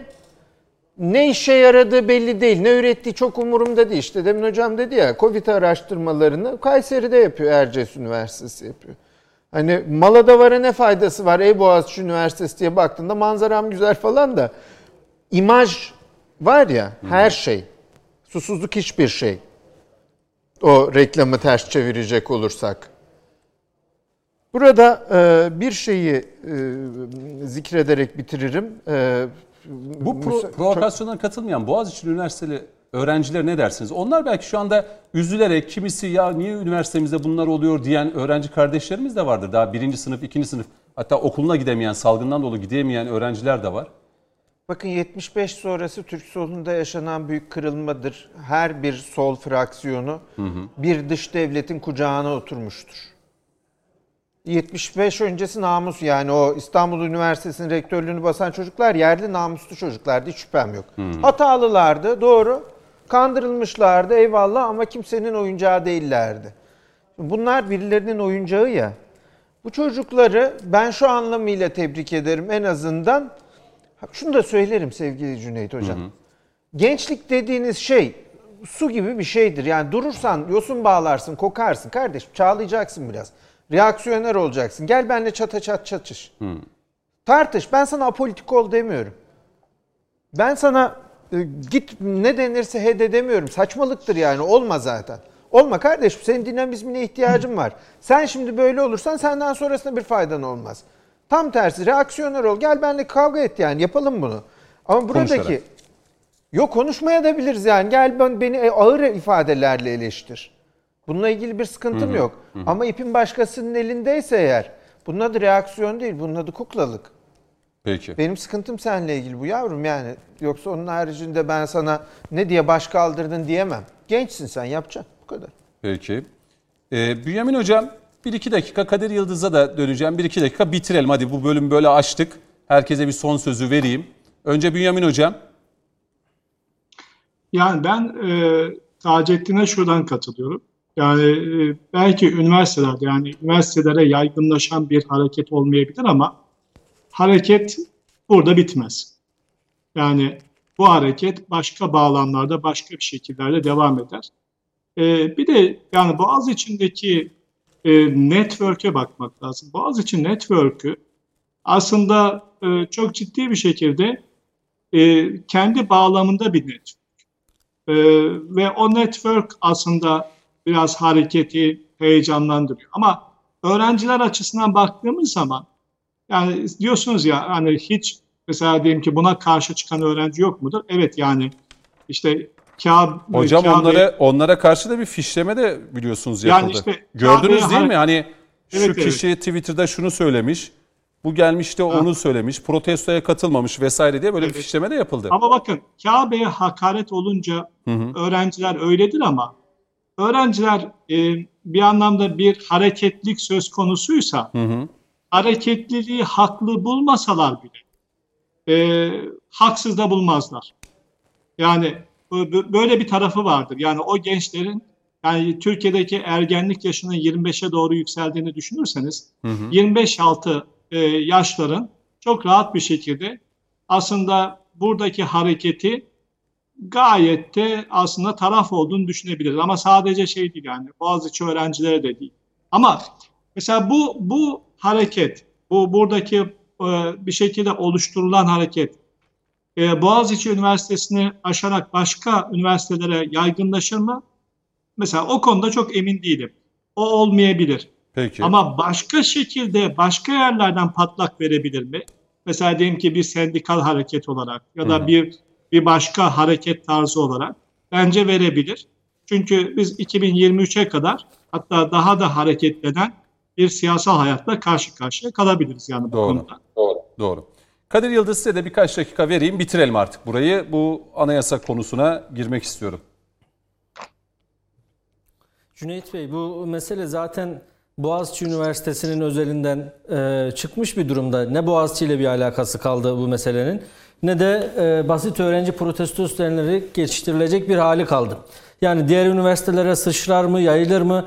Bunu tabii ki e, üniversitelerin içerisindeki özellikle öğrenci görünümlü örgüt üyeleri bunu e, kaşıyabilirler mi? Kaşıyabilirler ama siyasi iradenin özellikle muhalefetin de bunun önüne geçmesi, bunu tırmandırabilecek açıklamaların e, e, yapılmamasını sağlaması gerekir. Ama biz şu an bunun tam tersini görüyoruz. Mesela İçişleri Bakanı açıklıyor.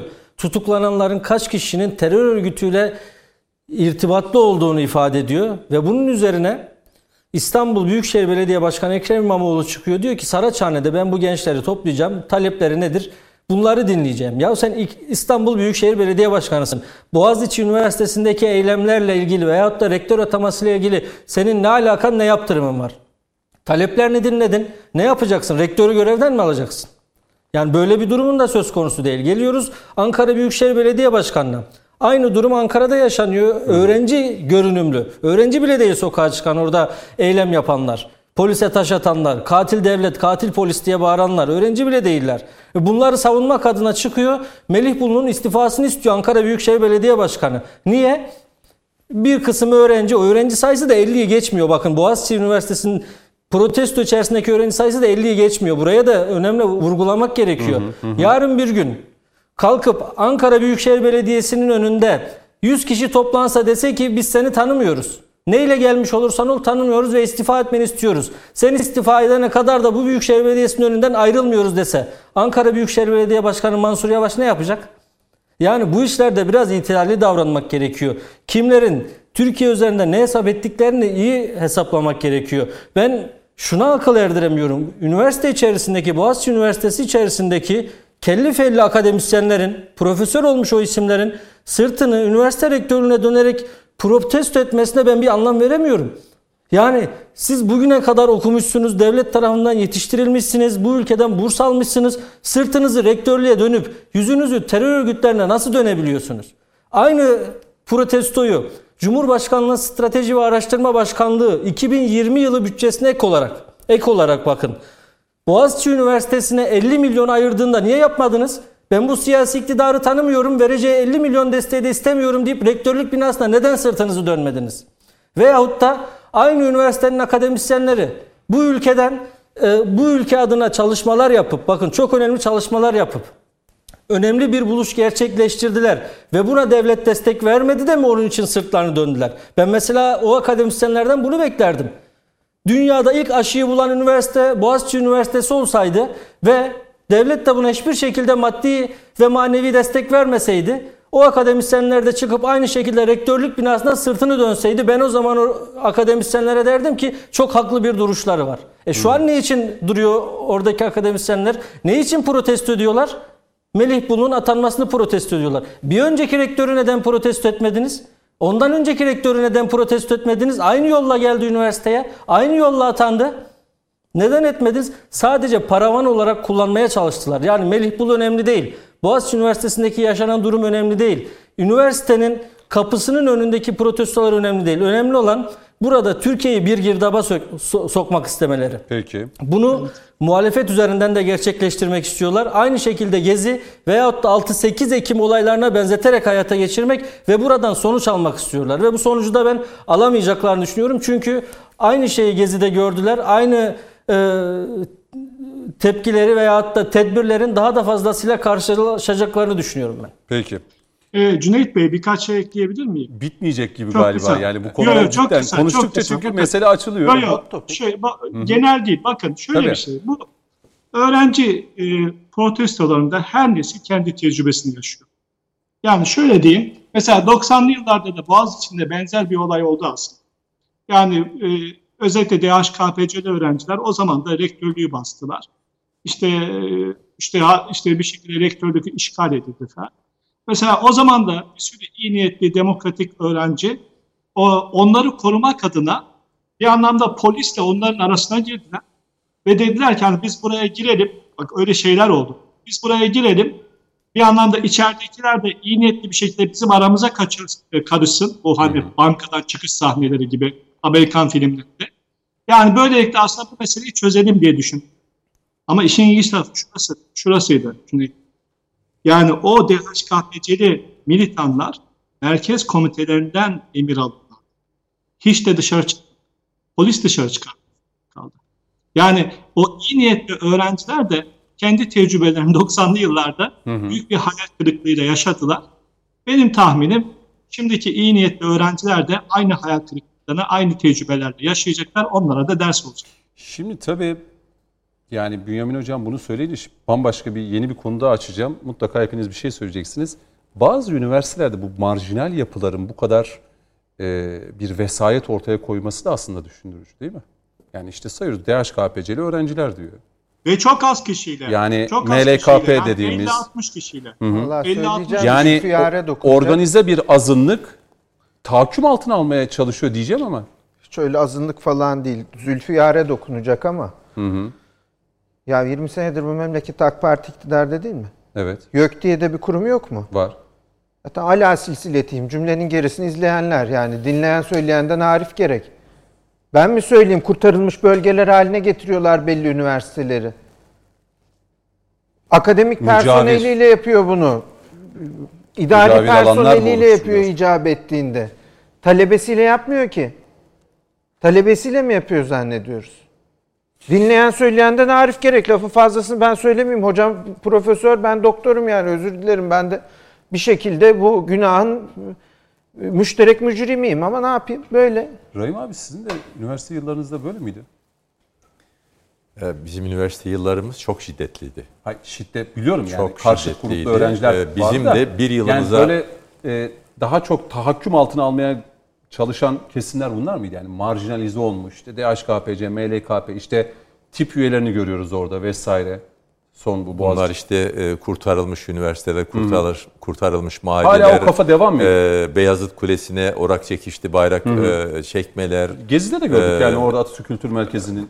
şey yapmalar, açılan- e, işte e, talebe kaçırmalar, e, Dursun Özkuzu mesela e, milliyetçi bir kardeşim Allah rahmet eylesin. E, öldürülme şeklini şu an anlatamam yani işim Çok e, daha şey yapmaz. Daha dediğiniz. bunun gibi e, akla gelmedik iş, işkencelerle kendi fikrinde olmayan e, gençleri e, katletmeleri gibi e, çok dehşet verici günlerdi. Yani saat 8'den sonra akşam sokağa çıkırla, çıkılamazdı. 1 Mayıs olduğu zamanlarda İstanbul'da hayat dururdu. Yani şu an hani saat 21'den sonra e, sokağa Kısıtlamalar çıkılmıyor güya ya. O, hı hı. e, basbaya bir trafik var ama 1 Mayıs'ta o yıllarda hayat dururdu. Üniversitelere de, de- diyordum yani de- dedim ya birkaç üniversite vardı. Dukalık haline gelmişti. Belli zihniyetlerin tahakkümündeydi. Onlar da bu e, Marksist, Leninist olduğunu iddia eden e, ama emperyalizmin e, maşası haline gelmiş o gençlik heyecanları kullanılan e, gençleri Evet, e, maalesef kendi öyle. emelleri doğrultusunda abi. gidiyorlardı. İşte bugün bütün üniversitelere yayılmama, yayılamamasının sebebi budur. Bu üniversiteler e, o dukalıklar yıkılmıştır. E, son direniş e, Boğaz içinde yaşanmaktadır. Peki. Bitiriyorum artık. Kimsenin söyleyeceği bir şey kaldı mı? Konuşmak lazım. Kalmaz olur mu? Bir dünya var da programa yazık yani. Sorma abi bence sen. Soru sormayayım o zaman. Ben direkt e, konu üzeri, konuyu değiştiriyorum. Konu başlığını değiştiriyorum değerli izleyenler. Şimdi yeni bir anayasa çıkışı. e, aslında tüm tür yani Türkiye genelinde birçok konuyu konuşurken Sayın Cumhurbaşkanı yeni bir anayasayı tartışma vakti gelmiştir. İlk kez bir sivil anayasa yazma iradesinin ortaya konması gerektiğini belirtti. E, burada bir hukukçu olarak Rahim abi senle başlamak istiyorum. Türkiye'nin bir sivil anayasası oldu mu hiç? Türkiye'nin e, sivil anayasası 1960'tan bu, bu yana yok. Şöyle, Türkiye'ye ilk defa anayasa 1876 e, yılında geldi. Adı Kanunu Esasidir. E, sonra 1921 anayasası vardır, geçicidir. Türkiye Büyük Millet Meclisi e, döneminde o anayasa da aslında 1876 tarihli e, anayasanın 1924 devamıdır. Evet. Sonra 1924 anayasasıdır. Bu bizim ilk sivil anayasamız yani diyebilir miyiz?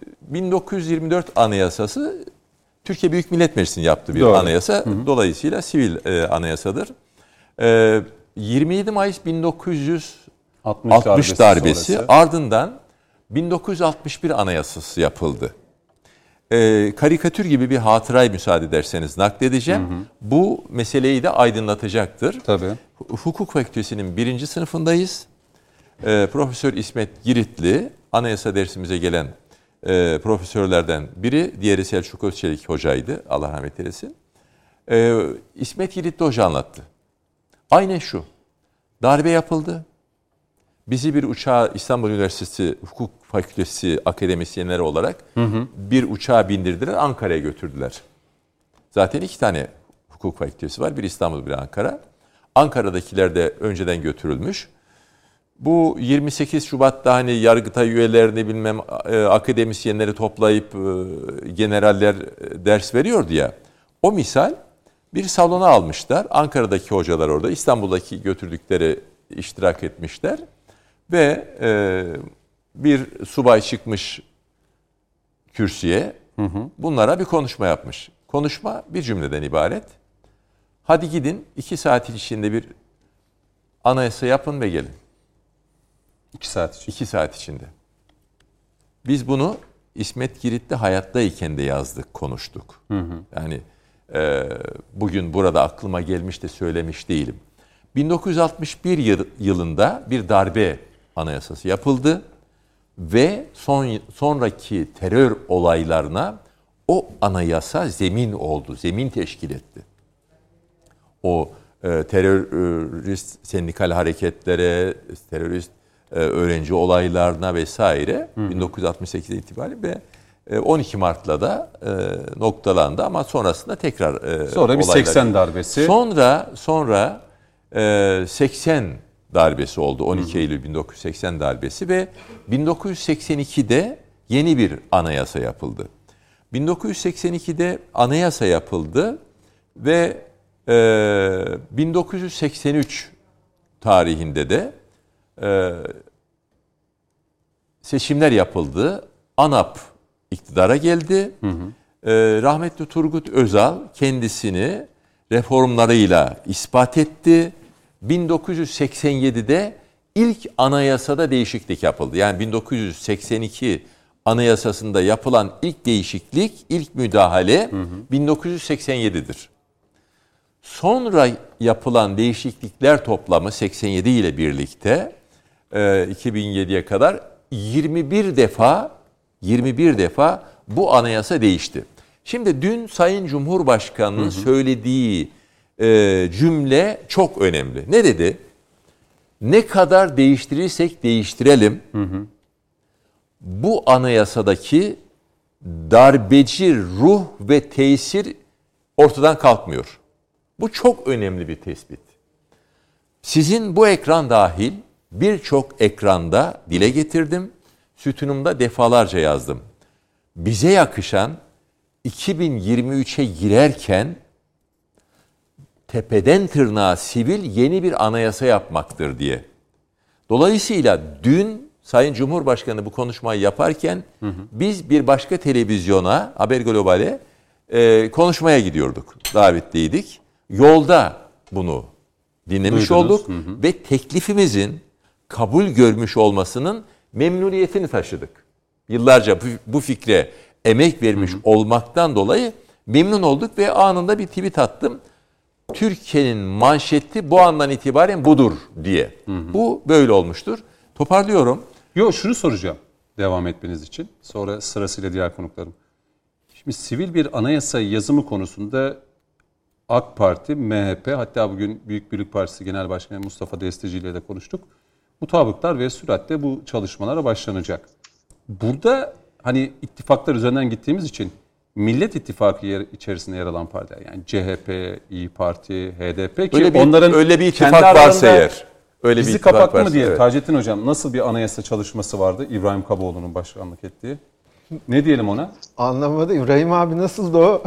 Evet. e, İbrahim Kaboğlu muhtelifi Şöyle, olamadıkları deva- faaliyet devam- yani. Orada bir şey Devam edeyim, devam edeyim. Şöyle. bu mümkün olacak mıdır? Yani burada maraz çıkarır mı? A- Hani e, anlatayım, anlatayım. Şimdi e, Cüneyt Bey, burada teklifin sahibi Sayın Cumhurbaşkanı. Doğru. E, dendi ki e, işte Kaboğlu'na e, anayasa yaptırılıyor ama kapalı kapılar ardında İyi Parti, e, HDP, CHP temsilcileri bir araya geliyorlar. Bunu açık, aleni bir tarzda e, ifade ve ikrar etmiyorlar. Yani Evet. bir anayasa çalışması ise niye bunu saklı gizli yapıyorsun? Bize kalırsa bu ve benzeri bütün itham, gelişme, olay ne varsa siyasetteki dili de biraz yumuşatarak hatta mümkün olabildiğince yumuşatarak yeni bir sayfa açmalı. Anayasalar topyekun Toplumsal bir o mutabakattır. ülkede yaşayan bütün vatandaşlara alakadar eder. Her fikirdeki, her dünya görüşündeki her insan içindir. Anayasa çatı kanundur. Düşün, Sayın Cumhurbaşkanı düşünmüş olabilir ki, arkadaşlarıyla paylaşmış olabilir ki, biz bugün evet adalet reformu yapıyoruz. Yani hukukta reform yapıyoruz. Bence İk- yapılacak en büyük hukuk Ha, reformu budur. İktisatta reform yapıyoruz. Demokraside reform yapıyoruz ki bunları beyan ettiler mükerreren ve hazırlıklar halindeler. Önümüzdeki günlerde de açıklayacaklar. Ne var ki ne var ki bu kaba bir benzetmeyle bir bakıma şuna benzemektedir. Nedir o? Evinizin çatısı akıyor ama siz fırçayı almışsınız, duvarı badana yapıyorsunuz. Sıva düşmüş, sıvayı kapatıyorsunuz. Çatı akıyor. Yamalı bohça bir Öyleyse anayasa. evet Şu öyleyse Sayın anayasa. Cumhurbaşkanı bu fikrin yani deminki dediğimiz cümlenin sahibi olarak arkadaşlarına demiş olabilir ki arkadaşlar bunları yapmamız çok doğru ama gelin biz bütün bu yapacağımız çalışmaların kendisine bağlanacağı bir lokomotif var. O lokomotifin o lokomotifi yeniden e, imal edelim. O lokomotifin bir iktidar geldi bir tekerini değiştirdi. Bir iktidar geldi e, motorunun bir parçasını değiştirdi. Öbürüsü geldi e, başka bir tarafını değiştirdi. Biz yeni bir anayasa ile sivil bir anayasa ile gitmeyen bu lokomotife vagon takmak yerine sivil bir lokomotif yapalım. Yolumuza onunla devam edelim. Mealinde konuşmuş olabilir ve çok da doğrudur bu. Yapılması icap eden budur. Ee, burada sorulacak olan şu. Ee, peki, peki hatta bizi takip eden değerli seyircilerimizden şunu soran da olabilir. Biz geçenlerde Türkiye Gazetemizdeki sütunda şunu dedik. Haddi zatında Türkiye seçim satım haline girmiştir diye. Bize göre girmiştir. Peki sen bunu dediğine göre senin ifadeni yani bizim ifademizde, senin ifadende seçimlere de 30 aydan az bir zaman kaldığına göre böyle bir yeni sivil anayasa yapılabilir mi? Evet yapılabilir. Yapılması icap eden şudur. Evvela teklifin sahibi olarak Sayın Cumhurbaşkanı ve e, AK Parti'nin müttefiki, ittifak ortağı e, MHP ve Büyük Birlik Partisi ne diyorlarsa, nasıl bir anayasa teklif ediyorlarsa kendi aralarında bunun hazırlığını yapıp çalışmasını yapmalılar. Beri taraftan da muhataplarına diyebilirler veya demezler. Diyebilirler ki siz de kendinize göre bir çalışma yapın. Yahut demezler, kendi çalışmalarını yaparlar, sonradan da muhataplarının kapılarını çalarlar. Biz böyle bir taslak hazırladık. Burada kabul ettiğiniz ve reddettiğiniz nedir? Görelim. Buna göre istişare edelim, müzakere edelim ve sivil anayasayı hayata geçirelim. Çünkü anayasalar iktidarların değildir. Partilerin değildir. ittifakların değildir. Demin söylediğimiz gibi yaşayan bütün millete aittir. Gelecek olan zamanlardaki bütün Toplumun millete de aslında. aittir. Evet. Ve iyi anayasa maddesi çok olan anayasa da değildir. Hatırlayalım Amerikan anayasası 7 maddedir. İngiltere'nin hiç yok. Evet, evet. Anayasa anayasa şudur.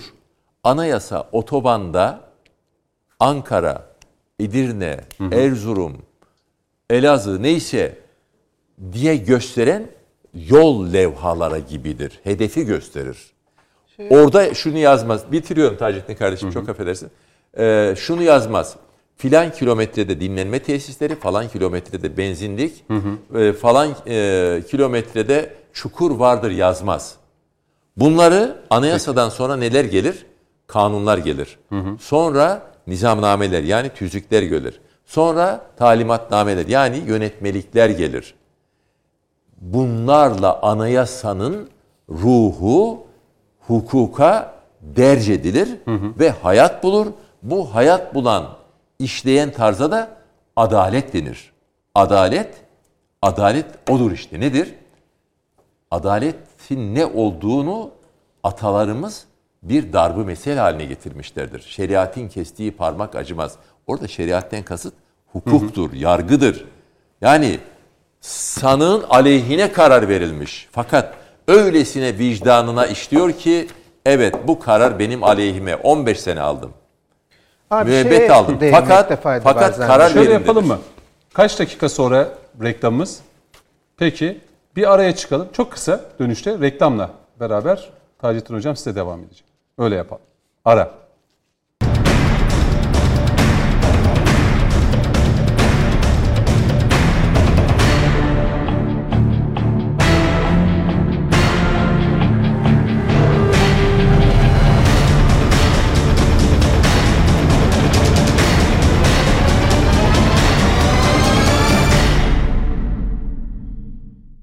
Evet konuşmak lazım devam ediyor. Son bölümdeyiz. Reklam da yok. Ee, önümüzde bir dolu dolu 40 dakika var. Bünyamin Bezci hocamız, e, Taceddin Kut- Kutay hocamız, Rahimer ve Kadir Yıldız bizimle birlikte bu hafta konuşmak lazım da. Şimdi Bünyamin hocama e, dönmek istiyorum. Bu yeni anayasa çıkışı, yeni bir anayasa, sivil bir anayasanın yazılmasının zamanı geldi, konuşma vakti geldi.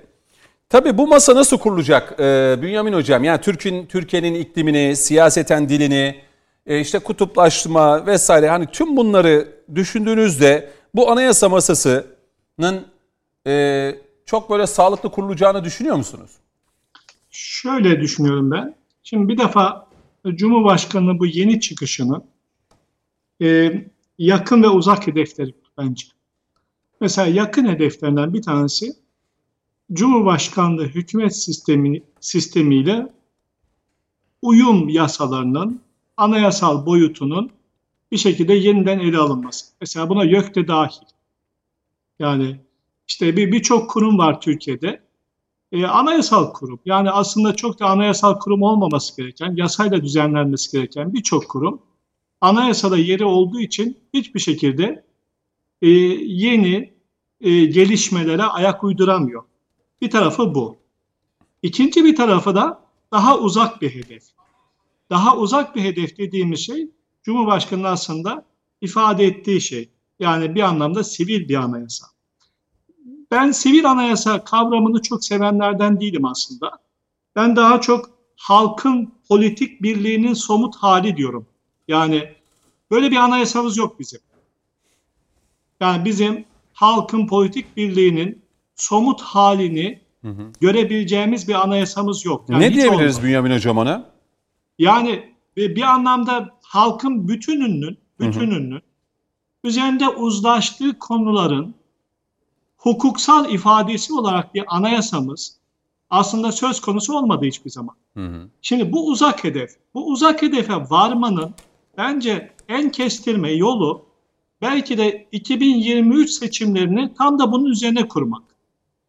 Ve şunu şöyle düşünmesi lazım insanların. Eğer gerçekten böyle bir hedefimiz varsa ama, gerçekten sivil anayasa yapmak gibi bir hedefimiz varsa, şöyle düşünmemiz gerekiyor. Yani 2023'te kurulacak meclis bir aslında kurucu meclis olacak. Bir, bir şekilde herkes de oyunu ona göre vermek. Yani bir, bir nevi aslında o meclis anayasa yapacak ve daha sonra referandumla işte halka sunulacak. Üzerinden bir şey yapılırsa çok daha sağlıklı bir yol anayasa yapma bağlamında çok daha sağlıklı bir yol işlemiş olur. Masa nasıl kurulur diyorsunuz ya. Masa aslında yani böylesine uzun bir hazırlıkla kurulması lazım. Yani anayasa dediğimiz şey çok aceleye gelebilecek bir şey değildir. Yani tamam evet bir tarafı öyle işte yakın hedefler, Cumhurbaşkanlığı, hükümet sistemi, uyum şeyleri onlar yakın hedefler. Onlar yapılabilir. Yani onlar daha çok dikkat ederseniz daha çok anayasanın ikinci boyutuyla alakalı. Yani hangi boyutuyla alakalı? Hükümet teşkilatıyla alakalı şeyler. Bizim anayasamızda mesela e, yakın zamana kadar ormanlarla alakalı hükümler de vardı. Yani orman yani bir hak konusu mudur? Yoksa bir e, ekonomik konu mudur?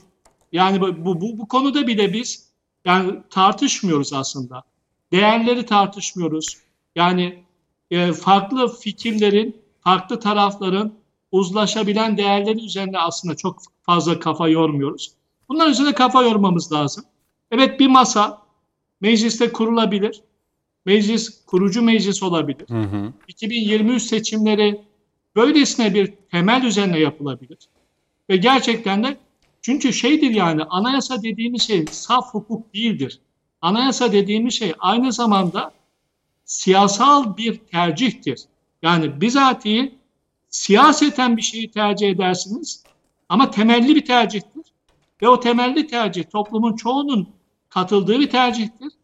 Ona göre diğerlerini bir şekilde yapılandırırsınız. Biz ona hukuk deriz. Yani siyasetin katılaşmış haline, siyasetin durağanlaşmış haline, siyasal tercihlerin bir şekilde e, konsensüs haline biz aslında anayasa diyoruz baktığımızda. Yani o yüzden anayasanın bir iki yüzü vardır. Birisi siyasal yüzü, birisi hukuki yüzü. Yani siyasal yüzü belki 2023 seçimlerine kadar hı hı. işte o meclis seçimiyle alakalı bir şekilde düşünülebilir. Hukuki yüzü de o meclisin yaptığı anayasayla alakalı olabilir. Evet. Bence ama bir taraftan da bir şey daha var yalnız. Onu da yani söylemeden geçmeyeyim. Bir de taktik hedefi var Cumhurbaşkanı. Taktik hedefi de şu aslında. Yani şimdi bu kutuplaşma tartışmalarından çıkmak istiyor bence Cumhurbaşkanı. Ve aslında özellikle güçlendirilmiş parlamenter sistem ki içeriği çok doldurulmuş bir şey değil. Yani başbakanın Almanya'da şansölyenin düşürülmemesi gibi Taceddin onu daha iyi bilir. Yani işte e, yeni bir hükümet çıkmadan yeni hükümetin yani bu, bu hükümetin düşürülmemesi gibi bir madde dışında güçlendirilen bir şey de yok aslında. Yani ne olduğu çok belli değil. Ama şu güçlendirilmiş parlamenter sistem gibi bir slogandan yola çıkanlara da aslında kapı aralıyor Cumhurbaşkanı. Tartışabiliriz, konuşabiliriz, ortak bir zemin oluşturabiliriz. Bence bu da ciddi bir şekilde aslında Cumhurbaşkanı'nın taktik hedefi. Yani kısa vadeli hedefleri var, uzun vadeli hedefleri var ve bence taktik bir hedefi var. Bu, bu anayasa tartışmasının diye düşünüyorum. Peki. Şimdi Taceddin Hocam. Eyvallah. Bir pas attı sanki Bünyamin Hocam size. Şimdi bizim Bünyamin bu anayasalar... çok şey söyleyin. Evet. Bizim bu anayasalar biçilmiş üzerimize otursun diye böyle bir yani takım elbise mi dersiniz? Ne bileyim e, kupon kumaştan. Kupon kumaştan. Tabii bizim için üretilmiş. Amerikan kumaşı da olabilir. Yok yok kupon kumaş. Öyle bizim mi? için üretilmiş kumaş yani. Hani dünyada başka kimsenin üstüne uymayacak. Evet. Dolayısıyla hani e, bizim kendi üzerimize en uygun bir kıyafeti gitmemiz gerekiyor. Çünkü bu 60 Rahim abinin belirttiği gibi darbeler tarihiyle birlikte başlamasıyla birlikte hep anayasalarda bir vesayetin, askerin olduğunu hep gördük. Son işte 82 anayasası da şu an böyle bir yamalı bohça adeta bu elbise artık olmuyor. Biz bu elbiseyi diker miyiz Taceddin Hocam? Valla yani bir ayrışmayı zor. görür müyüz bu çok, elbiseyi dikerken hani çok zor. Vatka bir araya gelir mi? Yaka düzeltilir mi? Cepler yapılabilir mi? Yani bir bütün olarak hani böyle bir elbise üzerinden benzetme yaptım ama bir tarafıyla çok zor ama Ağustos orucu gibi tutacağız Dikiş yani. tutar mı? Bir tarafıyla çok zor ama Ağustos orucu gibi tutacağız bunu. Zor ama tutacağız yani. Olacak. Zor diye efendime Ertuğrul Özkök müyüm ben Eylül ayına sabitleyelim Ramazan'ı diyeyim. Değilim yani. Neyse. Ee, halkın politik birliğinin somut göstergesi dedi Bünyamin Hocam anayasa. Çok mühim bir söz. Neden? Devlet dediğiniz şeyin tanımına bakın yani. En kaba tabiri. Hı hı. Devlet dediğiniz şey 1500 kere tanımlamışlar ama en kaba tabiri bir milletin yahut birkaç milletin belli bir toprak parçası üzerinde oluşturduğu siyasi birliğe devlet diyoruz. En kaba, kaba tabir bu. Doğru bir tabirdir. Çok kaba ama detayına indiğinde neler çıkacak? Şimdi burada çok önemli bir örnek var karşımızda. Bu örneğe bakıp işin ne olduğunu anlayabiliriz. Ne bu örnek? İsrail. 1948 yılından beri anayasa yazamıyor. Parparalı da adam kendi anayasa yazamıyor. Yazamıyor. Niye? Heterojen toplum krizi. Yani sağdan soldan topladığı insanlardan oluşturduğu bir cemiyet. Tel Aviv ile Kudüs'ün arası kedi köpek gibi. Hiç, iki e, hadisede bir araya gelemiyorlar. Hı hı. İnsanların bir araya gelerek yapabilecekleri şey sayısı çok az. Herkes kendi gettosunda yaşıyor. Paralel toplumların yaşandığı bir heterojen toplumdur İsrail. Bak 1948'den beri bir anayasa yazamıyor. Heterojen toplum krizi. Vallahi biz çok ilginç bir ülkeyiz. Bizim böyle kamilen dışarıdan gelmiş bir şeyimiz yoktur ama Yani Kuvay şey Kuvay Milliye nereden çıktı? Şey aman laf gelmedi aklıma. ee, yani İstiklal Harbi öncesi hı hı. şey yaptığımız sınırlar var ya. Misak-ı Milli. Misak-ı Milli. ya bağışlasınlar ben bugün çok yorgun uykusuz bir günümdeyim. Misak-ı Milli hudutları içinde doğmuştur ataları pek çoğumuzun ama sahil yerlerden, Balkanlardan, Kafkaslardan, Şark'tan, Kırım'dan, Canut'tan göçmüşlerimiz de vardır. Doğru. Bununla birlikte bu kadar heterojen bir toplum oluşumuzu izah edemiyorum. Gerçekten çok fazla paralel toplum var. Türkiye'de çok fazla paralel toplum var. Bakın 19. yüzyıldan beridir var. Hı hı. Araba Sevdası romanında gör bir kısmını. Fikri ideolojik olan da var, farklı türlü kökenlerden olanlar da var. Efendim biz muhaciriz diyen de var, biz buranın yerlisiyiz, siz yokken buralar tutluktu diyen de var. Böyle bir cemiyet içinde anayasa yazmak çok kolay değildir. Şimdi ikincisi şunu söyleyelim. 1961 Anayasası. Yazılması çok kolay olmadığı için tepeden gelen anayasalar hep. Hayır hayır ondan da değil. Ondan hmm. olur mu ya? Yine bulursun bir yolunu. Hmm. 1961 Anayasası, 1982 Anayasası hep NATO'cu anayasalardır. NATO içindeki fonksiyonunu belirler senin de öldürmez güldürmez. Yani ne ayağa kalk ve koş ne sürün ve öl. Yani biraz emekliye emekliye kal burada bir fonksiyon icra edeyim Türkiye. Budur 82 Anayasası. Yani 80 ihtilalini niye yaptıkları bellidir. Bizim çocuklar yaptı zaten. Bizim çocuklar, onların çocuklar niye yaptı bu ihtilal? Şey ihtilal ne onun adı? Anayasa. Beni bugün bağışlayın ya sevgili izleyenler ama geliyorum. Ee, bu anayasayı Program niye yaptıkları güzel bir yorgunluk kahvesi içeceğiz. İnşallah. Hı hı. Bu anayasayı niye yaptıkları da bellidir. Tam bu NATO'culuğun ortasına. Şimdi Türkiye NATO ile büyük oranda bir yol ayrımında paradigmayı dönüştürüyoruz biz. Yeni bir anayasaya ihtiyacımızın oluşun sebebi bunun sivil yahut askeri oluş değildir. Askeri bir anayasa mutlak kötü değildir ki. Asker ahmak mıdır yani? Bizim askerimiz şanlı, şerefli, namuslu adamlardır kurmay subaylarımız bizim. Darbeci Türkiye'nin... anayasaları diyelim yani darbecilik de NATO'culuğa çıktığı zaman bizim çocukçu, çocukçuluğa oradan çıkar. Yani hmm. sivil yahut askeri oluşu bir nakısa değildir. Bizim kurmay subaylarım Türkiye'nin krem tabakasıdır eğitim anlamında. O yıllarda öyle. Övülecek bir şey değildir. Fakat nakısası bu anayasanın. Hmm. Bu dönüşüm hengamında askeri yahut sivil oluşunda değildir. Şu NATO'cu gün, oluşunda ve dönüşecek hı. paradigmanın Şu günkü ortamda hala zor mu? Dönüşecek paradigmanın hı hı ya ait olmayışındadır. NATO'cu. Biz de diyoruz ki biz çıkıyoruz burada. Bizim sizle aramız kedi köpek gibi. Bak aşağıdan gelip duruyorsun bana. Yani incirlik dediğin şey yarın olacak mı olmayacak mı bilmiyoruz. Şu anda Boğaziçi'nde yaşadığımız tartışma bunun bir parçası. Dolayısıyla bizim bu anayasayla yol yürümemiz artık mümkün değil. Ne yapacağız? Biz bizden çıkacak bir anayasayı yapacağız. Ama çıkacak buradaki mı? sıkıntı dediğiniz şey biz var ya biz. Yaptıktaki K var ya. Hı hı. O homojen toplumların üretebildiği bir formdur. Biz heterojen toplum olarak oradaki K'yi yapamıyoruz. Yaptılar yaptım ma geliyor iş. Hmm. Buradaki sıkıntımız şu. Şimdi neden yapamayız? Bir, Cumhuriyet Halk Partisi'de bir şu parti var. Şu an yapamayız var. mı diye düşünüyorsunuz? Ya ala külli hal yaparız. Yapamayız diye bir şey yok. Dedim ya Ağustos orucu bu oruç tutulacak. Hı Ama göbeğimizde çatlayacak yani. Akşama kadar kerrü belalarda kalacağız. Ama olacak. Ne olacak? Şu olacak. CHP diye bir parti var. CHP'nin temsil edebildiği Türkiye Cumhuriyeti Devleti 182 bin kilometre kare içinde öyle köşeler, kenarlar var ki Adalet ve Kalkınma Partisi sabahtan akşama kadar didinse, MHP köy köy geçse, hı hı. HDP ile alakalı bir şey diyemedim hadi onlar girerler oralara. Ayna tutamaz. Tek tutabilecek parti CHP'dir. Böyledir. Var Türkiye'nin böyle köşeleri. HDP hakez HDP derken HDP'den bahsetmiyorum. HDP'ye oy veren seçmene bir ayna. Yoksa HDP terör hı. örgütünün siyasi uzantısıdır. Katmıyorum onu. Hı hı. Onun böyle bir anayasa çalışmasında işi yok. MHP, AK Parti birbiriyle şeydir geçişkendir o anlamıyla. MHP'nin ayna tuttuğu yeri AK Parti tutar, AK Parti'nin ayna tuttuğu yeri MHP tutar.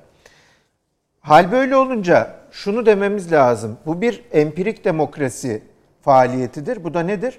Toplumun kabul edilebilir bir majoritesini, bir çoğunluğunu bu anayasa çalışmasına dahil edebilmemiz lazım. Orada ciddi bir ayrışma yaşanabilir mi? Ona işaret ediyorsunuz. Yani CHP'yi Şuna, şuna geleceğim bak. CHP dediğin hareket bu anayasa çalışmasının içinde olmalı. Olmaması düşünülemez. İyi Parti zaten olmalı. Olmaması düşünülemez. Sıkıntı nereden çıkacak?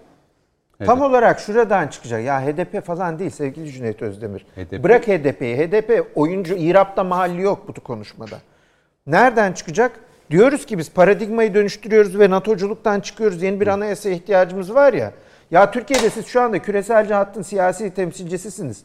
Bizatihi NATO'culuğun temsilcisisiniz. Ey CHP ve İyi Parti bir süredir. Kaset komplosu sonrası oluşan CHP.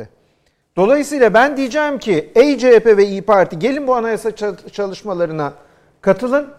Bu NATO'cu ruhtan çıkmış yepyeni yerli bir anayasa yapalım. Türk milletine ait ve diyelim ki bu bizimdir.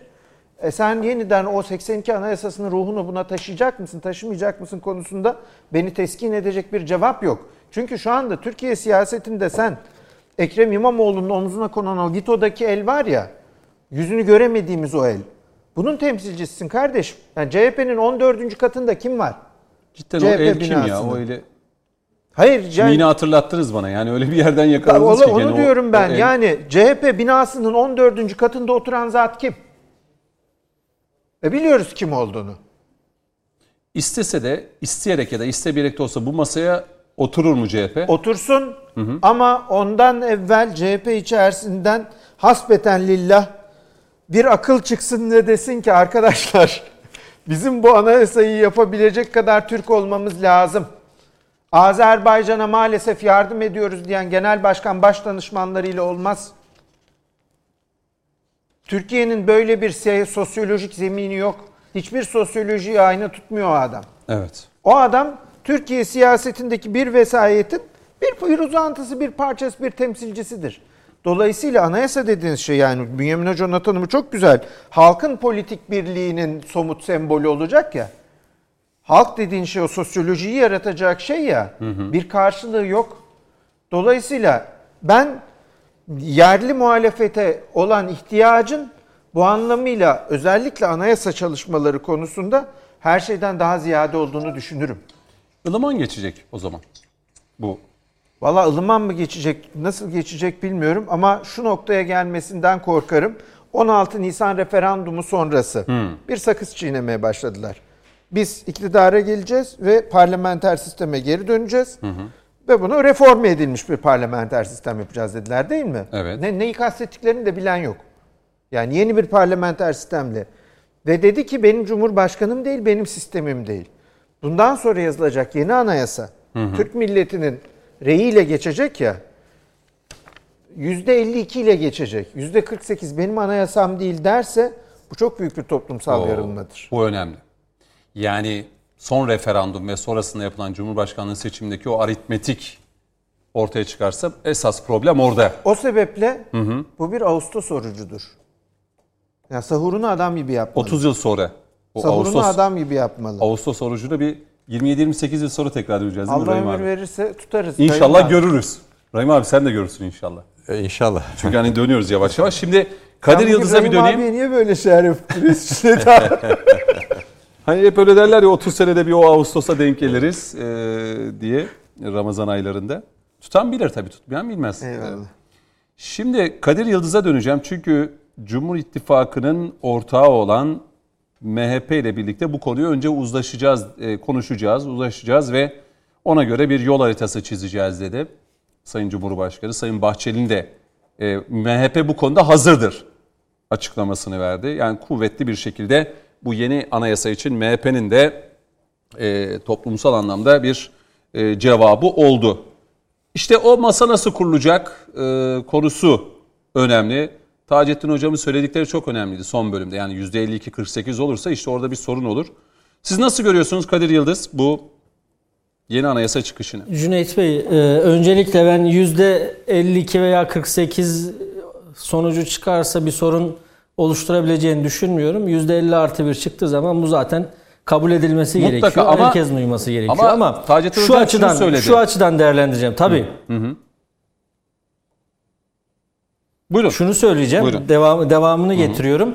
Ee, bu anayasa yazımları yani hocaların buradayken bu konuda e, konuşmak e, pek fazla doğru görmem bu, bunu ama yine de genel hatlarıyla değerlendirmek istiyorum.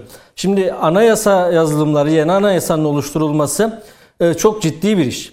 E, Sayın Bahçeli'nin de bugün ifade ettiği gibi 1982 Anayasası'ndan e, kalan tortuların silinmesi, statikocu vasfının kaybedilmesi veya ortadan kaldırılması şeklinde yeni düzenlemeler yapılması gerekiyor bu anayasada da. Bunu yaparken de bu anayasa yazılırken de toplumun e, çok geniş kesimiyle mutabakat halinde hayata geçirilmesi gerekiyor.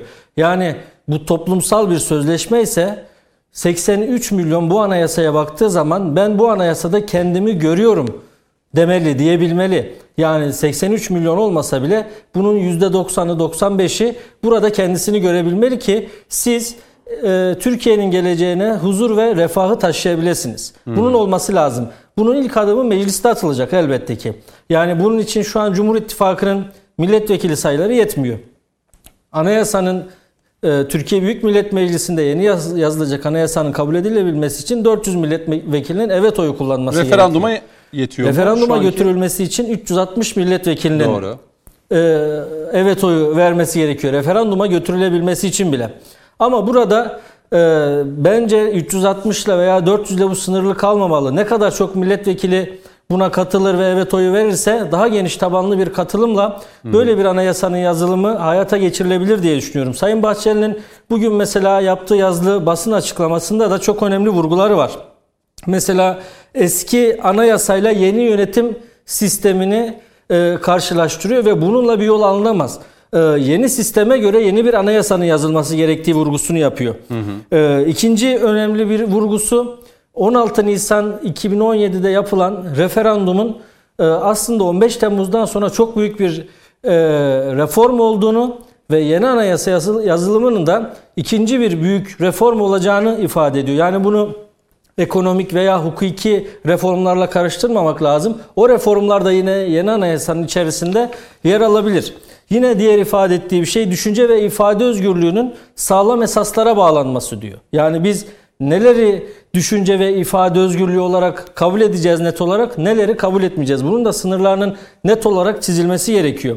Devlet ve millet arasındaki karşılıklı sorumlulukların net olarak net bir biçimde ifade edilmesi gerekiyor. Yani bir toplumsal sözleşme yapıyorsanız hem milletin devlete karşı yükümlülüğünü hem de devletin millete karşı olan sorumluluğunu net bir şekilde ifade etmeniz gerekiyor bu anayasada da. Ve e, sadece bunların e, soyut kavramlar içerisinde kalmasından ziyade bahsettiği önemli bir vurgu da mesela terör, yoksulluk, yolsuzluk, hayat pahalılığı ve işsizlik musibetlerini yenmiş bir ülke olmasına da destek vermeli. Yani yazılacak yeni anayasa bu olguları da destekleyebilecek ve bu olumsuzlukları ortadan kaldırabilecek nitelik niteliğe de sahip olmalı diyor. Ve şunu da vurguluyor. Modern demokrasilerde olduğu gibi fikir, inanç özgürlüğü, örgütlenme ve benzer alanlarda da temel hak ve özgürlükleri güvence altına alan bir anayasaya kavuşmamız gerektiğini söylüyor. Uzlaşmayı sağlaması gerektiğini söylüyor ve bu yeni anayasanın aslında Cumhurbaşkanlığı hükümet sisteminin amacı da buydu. Uzlaşmayı sağlayabilmesi. Yani toplumun değişik kutupları, değişik siyasi görüşleri, değişik bakış açıları arasında da uzlaşmayı sağlayabilecek bir siyasi ortamın oluşturulmasıydı Cumhurbaşkanlığı hükümet sisteminin getirilmesindeki amaç da. Bunu sağladığını düşünüyorum ben. Buna kimisi kutuplaşma olarak ifade ediyor ama bir Cumhuriyet Halk Partisi ile Saadet Partisi bir araya gelebiliyorsa bence bu Cumhurbaşkanlığı hükümet sisteminin uzlaşmayı sağladığını gösterir diye düşünüyorum. Ve önemli bir vurgusu da MHP lideri Sayın Bahçeli'nin Türkiye'nin üniter devlet yapısından e, taviz verilmeden tek millet, tek devlet, tek bayrak, tel, tek dil ve tek vatan şeklinde bu olgularında tahrip edilmeden bunların üzerine temel hak ve özgürlükler çerçevesinde yazılacak yeni bir anayasanın Türkiye'yi 2023 yılına daha e, emin adımlarla taşıyabileceğini ifade ediyor. Şimdi mecliste böyle bir ortam oluşur mu? Böyle bu anayasanın yazımı için muhalefet partileri, Millet İttifakı'nı oluşturan partiler buna destek sağlar mı? Aslında yapılan ilk açıklamalar bunu tamamen ilk bakışta kestirip attıkları yönünde. Ee, yani Cumhur İttifakı'nın yeni anayasayı öne sürmesinin nedenleri arasında gündemi değiştirmek olduğunu ifade ettiler. Yani e, bu gündemi Hatta değiştirmeyi biraz da sulandırmaya yeni çalışıp- anayasa yazılımı üzerinden yaptığını ifade ettiler. Hatta biraz da sulandırıp e, yani olmayan bir şey daha hiç hani doğmamış çocuğa don biçmek gibi işte e, böyle bir şeyi ortaya atmışlar. Gördüm yani hani laikliği yeni anayasada kaldıracaklar şeklinde bazı e, yorumlara da denk geldim açıkçası. Yani ortada hiçbir şey yok yani şu Evet anda. Cüneyt Bey şimdi o ona, ona Ama da bunu, ona bunu da değineceğim. Aslında gizli gizli bu anayasa çalışmalarını değinildi. yapanlar. Onun da altını çizeyim. Evet gizli anayasa çalışmasını yapıyorlar ama burada şöyle önemli bir nokta da var. Yani bunu söyleyenler aslında Cumhur İttifakı bunu gündemi değiştirmek için bir koz olarak kullanıyorsa Millet İttifakı bu kozu rahatlıkla Cumhur İttifakı'nın elinden alabilir.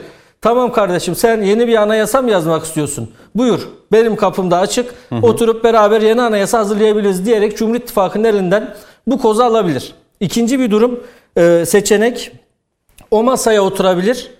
O masaya oturduktan sonra o masayı sabote de edebilir. Yani biz evet yeni anayasa yazımı için Cumhur İttifakı'nın talebine olumlu cevap verdik ama Cumhur İttifakı o masada bizim istemediğimiz taleplerle geldi şeklinde provokatif olarak o masayı sabote etmeye de çalışabilir. Üçüncü bir seçenek ise şart koşabilir. Böyle bir ortamın masanın oluşturabilmesi, yeni anayasanın yazılabilmesi için. Birincisi şunu diyebilir. Parlamenter sisteme kesin dönüş istiyoruz. İkinci e, istekleri de HDP'nin de o masası, masada olması olabilir. Yani bu iki seçeneği Cumhur İttifakı'na şart koşabilirler. Cumhur İttifakı da tabii ki böyle bir şeyi kabul etmeyeceği için böyle bir masada oluşturulmamış olacak. Ancak şöyle bir durum söz konusu. Yani her iki ittifakta hem Cumhur İttifakı bir e, yeni anayasa taslağı hazırlayacak. Millet İttifakı yeni bir anayasa taslağı hazırlayacak ve ortada buluşulacak. Böyle bir şeyin ola- olabileceğini ben hiç düşünmüyorum. Çünkü tembel bir muhalefetle karşı karşıyayız. Şimdi Cumhurbaşkanlığı hükümet sistemine geçiş sürecinde Sayın Bahçeli Ekim 2016'da bir açıklama yaptı. Dedi ki bu hükümet sistemi, parlamenter sistemi artık Türkiye'yi taşıyamıyor. Bizim yeni bir sisteme ihtiyacımız var ve bu sistem için de Adalet ve Kalkınma Partisi ne hazırlık yaptıysa buyursun getirsin. Cumhuriyet Halk Partisi de kaçak güreşmesin, gelsin destek versin dediğinde Cumhuriyet Halk Partisi en başından beri hayır dedi mesela. Biz değişmesini istemiyoruz. Halbuki en başta Cumhuriyet Halk Partisi'nin yadırgadığı şey de parlamenter sistemin revize edilmesi veyahut da değiştirilmesiydi. Birçok aksaklığının olduğunu ifade etmişlerdi. Ama üzerinden 4 yıl geçmesine rağmen parlamenter sistem diye bahsettikleri şeyin bile güçlendirilmiş parlamenter sistem diye bahsettikleri şeyin bile daha ne olduğunu izah edemediler. Bunun için tembel muhalefet diyorum. Yani ortada bir taslakları bile yok. 16 Nisan'da referandum yapıldı 2017 yılında. Peki ondan sonra getirin bir taslak. Ondan sonra da yok. Sadece söylemde kaldı işte güç- güçlendirilmiş parlamenter sistem, süper parlamenter sistem, dizel parlamenter sistem ne getirecekleri, ne istedikleri bile belli değil. Süper dizel. Kaldı ki e, Millet İttifakı'nın böyle bir anayasa hazırlamakta samimi olup olmadığını da Evet. e, göreceğiz. Çünkü HDP ile gizli kapaklı işte kapıla gizli kapılar arkasında anayasa hazırlayanların anayasa taslağı hazırlayanların veyahut da böyle bir şeyde mutabakat maddeleri çıkaranların seçimden Peki. sonra böyle bir anayasamız olsun diye HDP ile ortak mutabakat maddeleri hazırlayanların Cumhur İttifakı'nın bu çağrısına nasıl cevap vereceği. Yani bağcıyı mı dövmek istiyorlar yoksa üzüm mü yemek istiyorlar? Eğer böyle bir yeni anayasanın hazırlanmasına destek verirlerse 2023 yılında Türkiye'nin lider ülke konumuna hem bölgesel hem de küresel anlamda lider ülke konumuna yükselmesine omuz vermiş olurlar. Peki. Eğer böyle bir çalışmaya hayır derlerse köstek olmuş olurlar ki bunun da cevabını millet sandıkta çok ağır verir diye düşünüyorum. Şimdi son 10 dakikamız tabii kısa kısa herkesten son 10 dakikada. Laiklik var ya yok.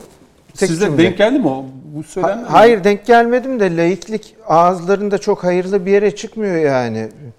Ee, Şeye karşı, Suriye Milli Ordusu'na karşı laik PYD'yi destekleyelim falan diyen Halk Partisi milletvekillerini falan hatırladıkça bunlar laiklikten işi bir PKK müşterekliğine çıkartıyorlar. da, Çok Libya'da da Hafter seküler olduğu için. Ya Hafter'in bize Çok sıktığı bir şey yok. Herif PKK'nın kucağına oturalım Suriye'de dedi ya. Yani laiklik dediğin şey bu adamların dilinde çok hayırlı yere çıkmıyor onu da söyleyeyim o kadar. Evet. Şimdi son 10 dakikamız hani kısa kısa belki alınan notlar üzerinden Rahim abi sana önce bir söz vereyim. Bir 3 dakika 4 dakika vereyim. E, çok bile teşekkür ederim. Efendim ben evvela bir düzeltme yapmak istiyorum. Tabii. Demin e, konuşmamı yaparken bir yerde bir hata işlediğimi e, anlıyor gibiydim ama e, şey yapamadım. Yani konuşmanın seyri içinde e, onu netleştiremedim. Hani e, 27 Mayıs darbesi yapıldığında hı hı. İstanbul'daki hukuk hocalarını alıp Ankara'daki hukuk hocalarıyla birlikte Ankara'da bir salona topladıklarını ve bir subayın çıktığını hadi iki saat içinde bir anayasa yapın gelin hı hı. dendiğini nakleden bir isimden bahsettim. Hı hı. Bizim e, hukuk fakültesi birinci sınıfta anayasa hocasıydı. İsmet Girik'ti e, dedim. E, Tarık Zafer Tuna'ya. Orada Öyle bir Peki, isim tamam. yanlışlığı yaptım. O sonra tamam. aklıma geldi. Peki. Şimdi iki e, notlarımı kısaca e, bahsedeyim. Efendim e, bu anayasanın bu anayasanın 2023'e girmeden evvel yapılması lazım. Ve bu anayasanın yapılması için de 6 ay kafi zamandır. Yeter ki yeter ki taraflar bütün iyi niyetleriyle hazır olsunlar. Bu anayasa yapılır. Yani mesele 2023 Büyük Türkiye bayramına e, o Kızıl Elma'ya yeni bir anayasa ile girmektir. 2023 oldu ondan sonra hadi bir anayasa yapalım. Çok şeyler bir, bir sürü zaman daha e, akıp gider. Siz mümkün İki, olacağını düşünüyorsunuz ama 2020 olması gerektiğini. Olması gerektiğini Mutlaka. söylüyorum. Elzem. Şöyle konuşmalarımız konuşmalarımız mevcut parti yapılanmaları üzerinden devam ediyor hı hı. dikkat edildiği gibi. Halbuki beri tarafta CHP'de bir e, farklı partiler çıkıyor. E, nedir Muharrem o? İnce, Muharrem Sarıgül. İnce, Sayın İnce'nin e, Memleket Partisi, Sayın Sarıgül'ün e, Değişen Türkiye Partisi.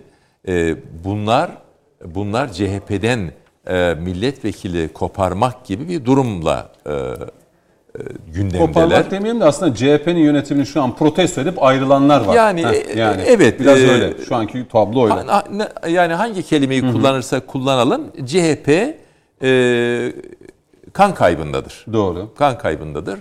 Yani e, AK Parti'den iki parti çıktı. Değişim e, de, Gelecek, Gelecek Partisi Deva. ve Deva Part, e, Partisi. E, MHP'den İyi Parti e, çıktı Hı-hı. veya koptu, e, ayrıldı. E, bu meyanda, bu meyanda, bu sosyolojik, siyasi adına ne dersek diyelim, e, zamanın emri vaksi her neyse, e, HDP'nin bunun dışında kalacağına ihtimal vermiyorum.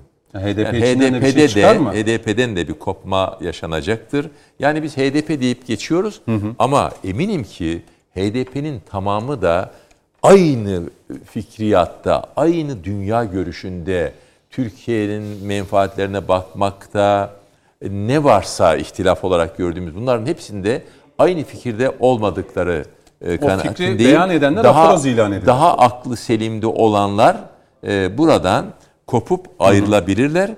O sebeple bunlar bu gelişmelerin bu gelişmelerin neticesinde yapılacak yeni anayasaya tesir edebilir. Hı hı. Şimdi e, mümkündür ki mümkündür ki e, anlaşarak yani temennimiz, arzumuz, e, teşvikimiz, talebimiz e, partilerin aynı masaya gelip anlaşarak tabana. bir içtimai mukavelenin imzalanmasıdır. Yani bir sosyal sözleşmenin anayasanın arkadaşlarımıza temas ettiler ya bir sosyal sözleşmenin bir içtimai mukavelenin imzalanması hı hı. ve herkesi temsil etmesi.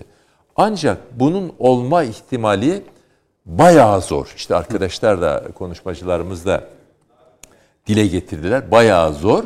Ama elbette ki zoru aşmak burada e, matluptur, e, makbuldür. Bu da dediğimiz gibi hı hı. teklifin sahibi Sayın Cumhurbaşkanı'dır ve naz çekme durumunda olan da Sayın Cumhurbaşkanı ve Cumhur İttifakı'dır. Tahammüllü olacaklar, daha itidalli olacaklar, daha sabırlı olacaklar. Mesele, mesele bu anayasayı yapabilmekte. Peki. Dinlemek. Yani dedik ki hani e, ister aynı zamanda siz de yapın ama bir bir hazırlık yapıp kapınızı çalacağız diye haber gönderebilirler.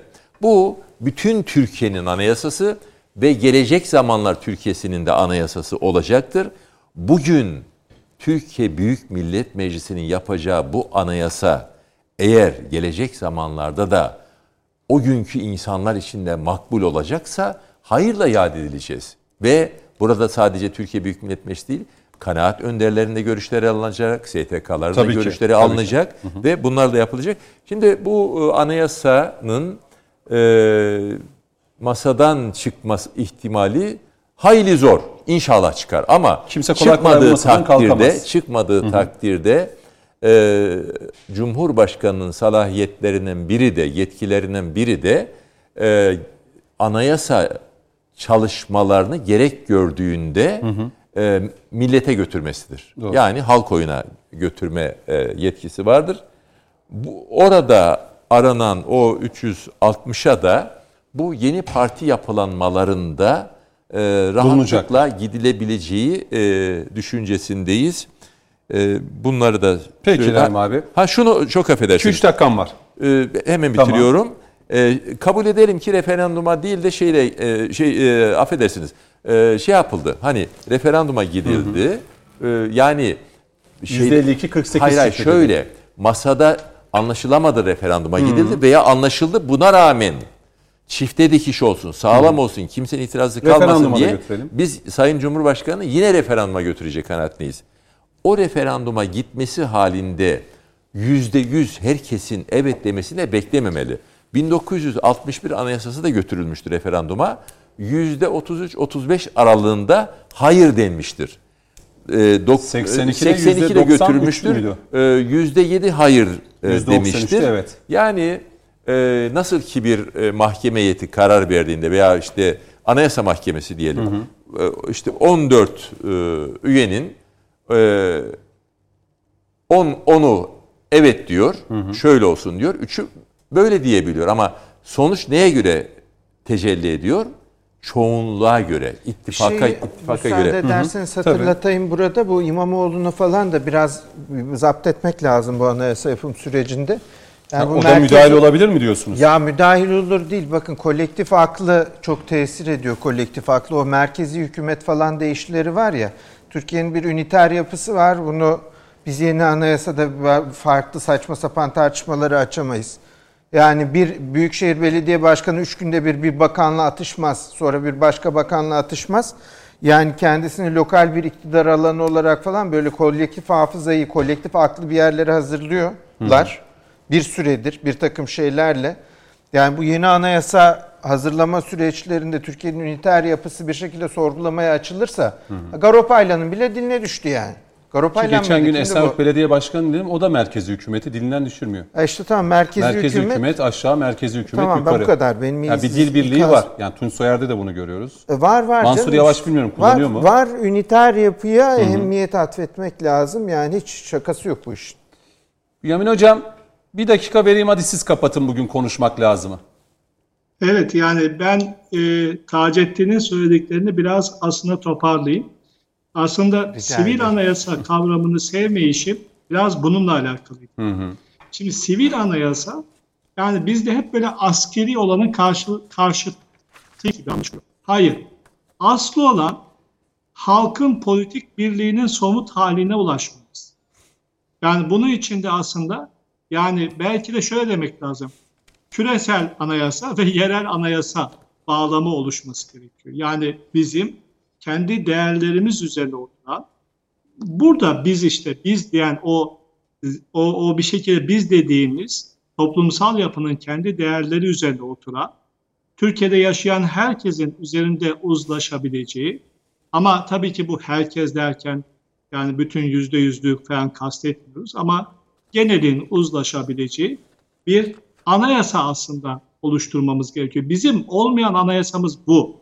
Yoksa asker yapmış, sivil yapmış mesele bu değil aslında. Mesela diyelim ki teknik olarak bakarsanız 61 anayasası özgürlükler alanını daha iyi düzenlemişti. Hatta Demirel bu pantolon bize çok bol geldi diye 71'de işte o bol gelen pantolonu terziye verelim. Terzi dediği de orduydu. Orduya verelim biraz daraltalım demişti.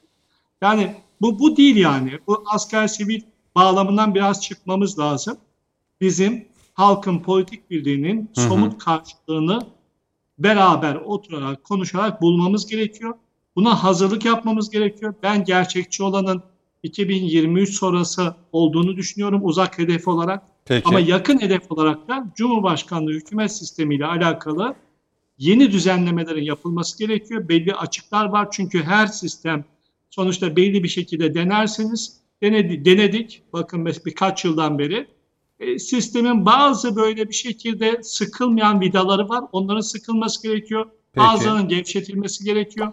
Onlarla alakalı yani küçük düzenlemeler yapılması gerekiyor. Bir de gerçekten yani bunu yapabilmemiz için içinde CHP'nin de İyi Parti'nin de MHP'nin de AK Parti'nin de olduğu bir sistem olması lazım. Peki Yani Bünyamin Hocam. Çok geniş bir geniş bir tabana oturması gerekiyor bunun. Bünyamin Hocam yine konuşacağız. Konuşmak lazım zaten programın ismi. Ee, ben şimdilik e, bitirmek zorundayım. Çünkü bitti diye yönetmenim. Stüdyoya bekliyorlarmış sizi Evet. hocam. Tabii stüdyoya bekliyoruz Bünyamin Hocam sizi bilginiz olsun. İnşallah. Heh. Şimdi tabii Bünyamin Hocam da Demirel'in sözünden yola çıkarak bir benzetme yaptı. Hep bu anayasayı bir elbiseye benzetmek ki ben de anlatmaya çalıştım. Yani bir, bir- tam üzerime otur, oturacak. Yani biri dar, biri bol. Hani şöyle üzerimize gerçekten oturacak böyle bir smoking gibi yakışıklı duracak bir anayasa güzel olur ya. Değil mi? Peki. Rahim abi çok teşekkür- Smoking gibi olmaz. Na- nasıl olsun Bünyamin Hocam? İşte smoking gibi olursa yani tam da öyle olmaması gerekiyor.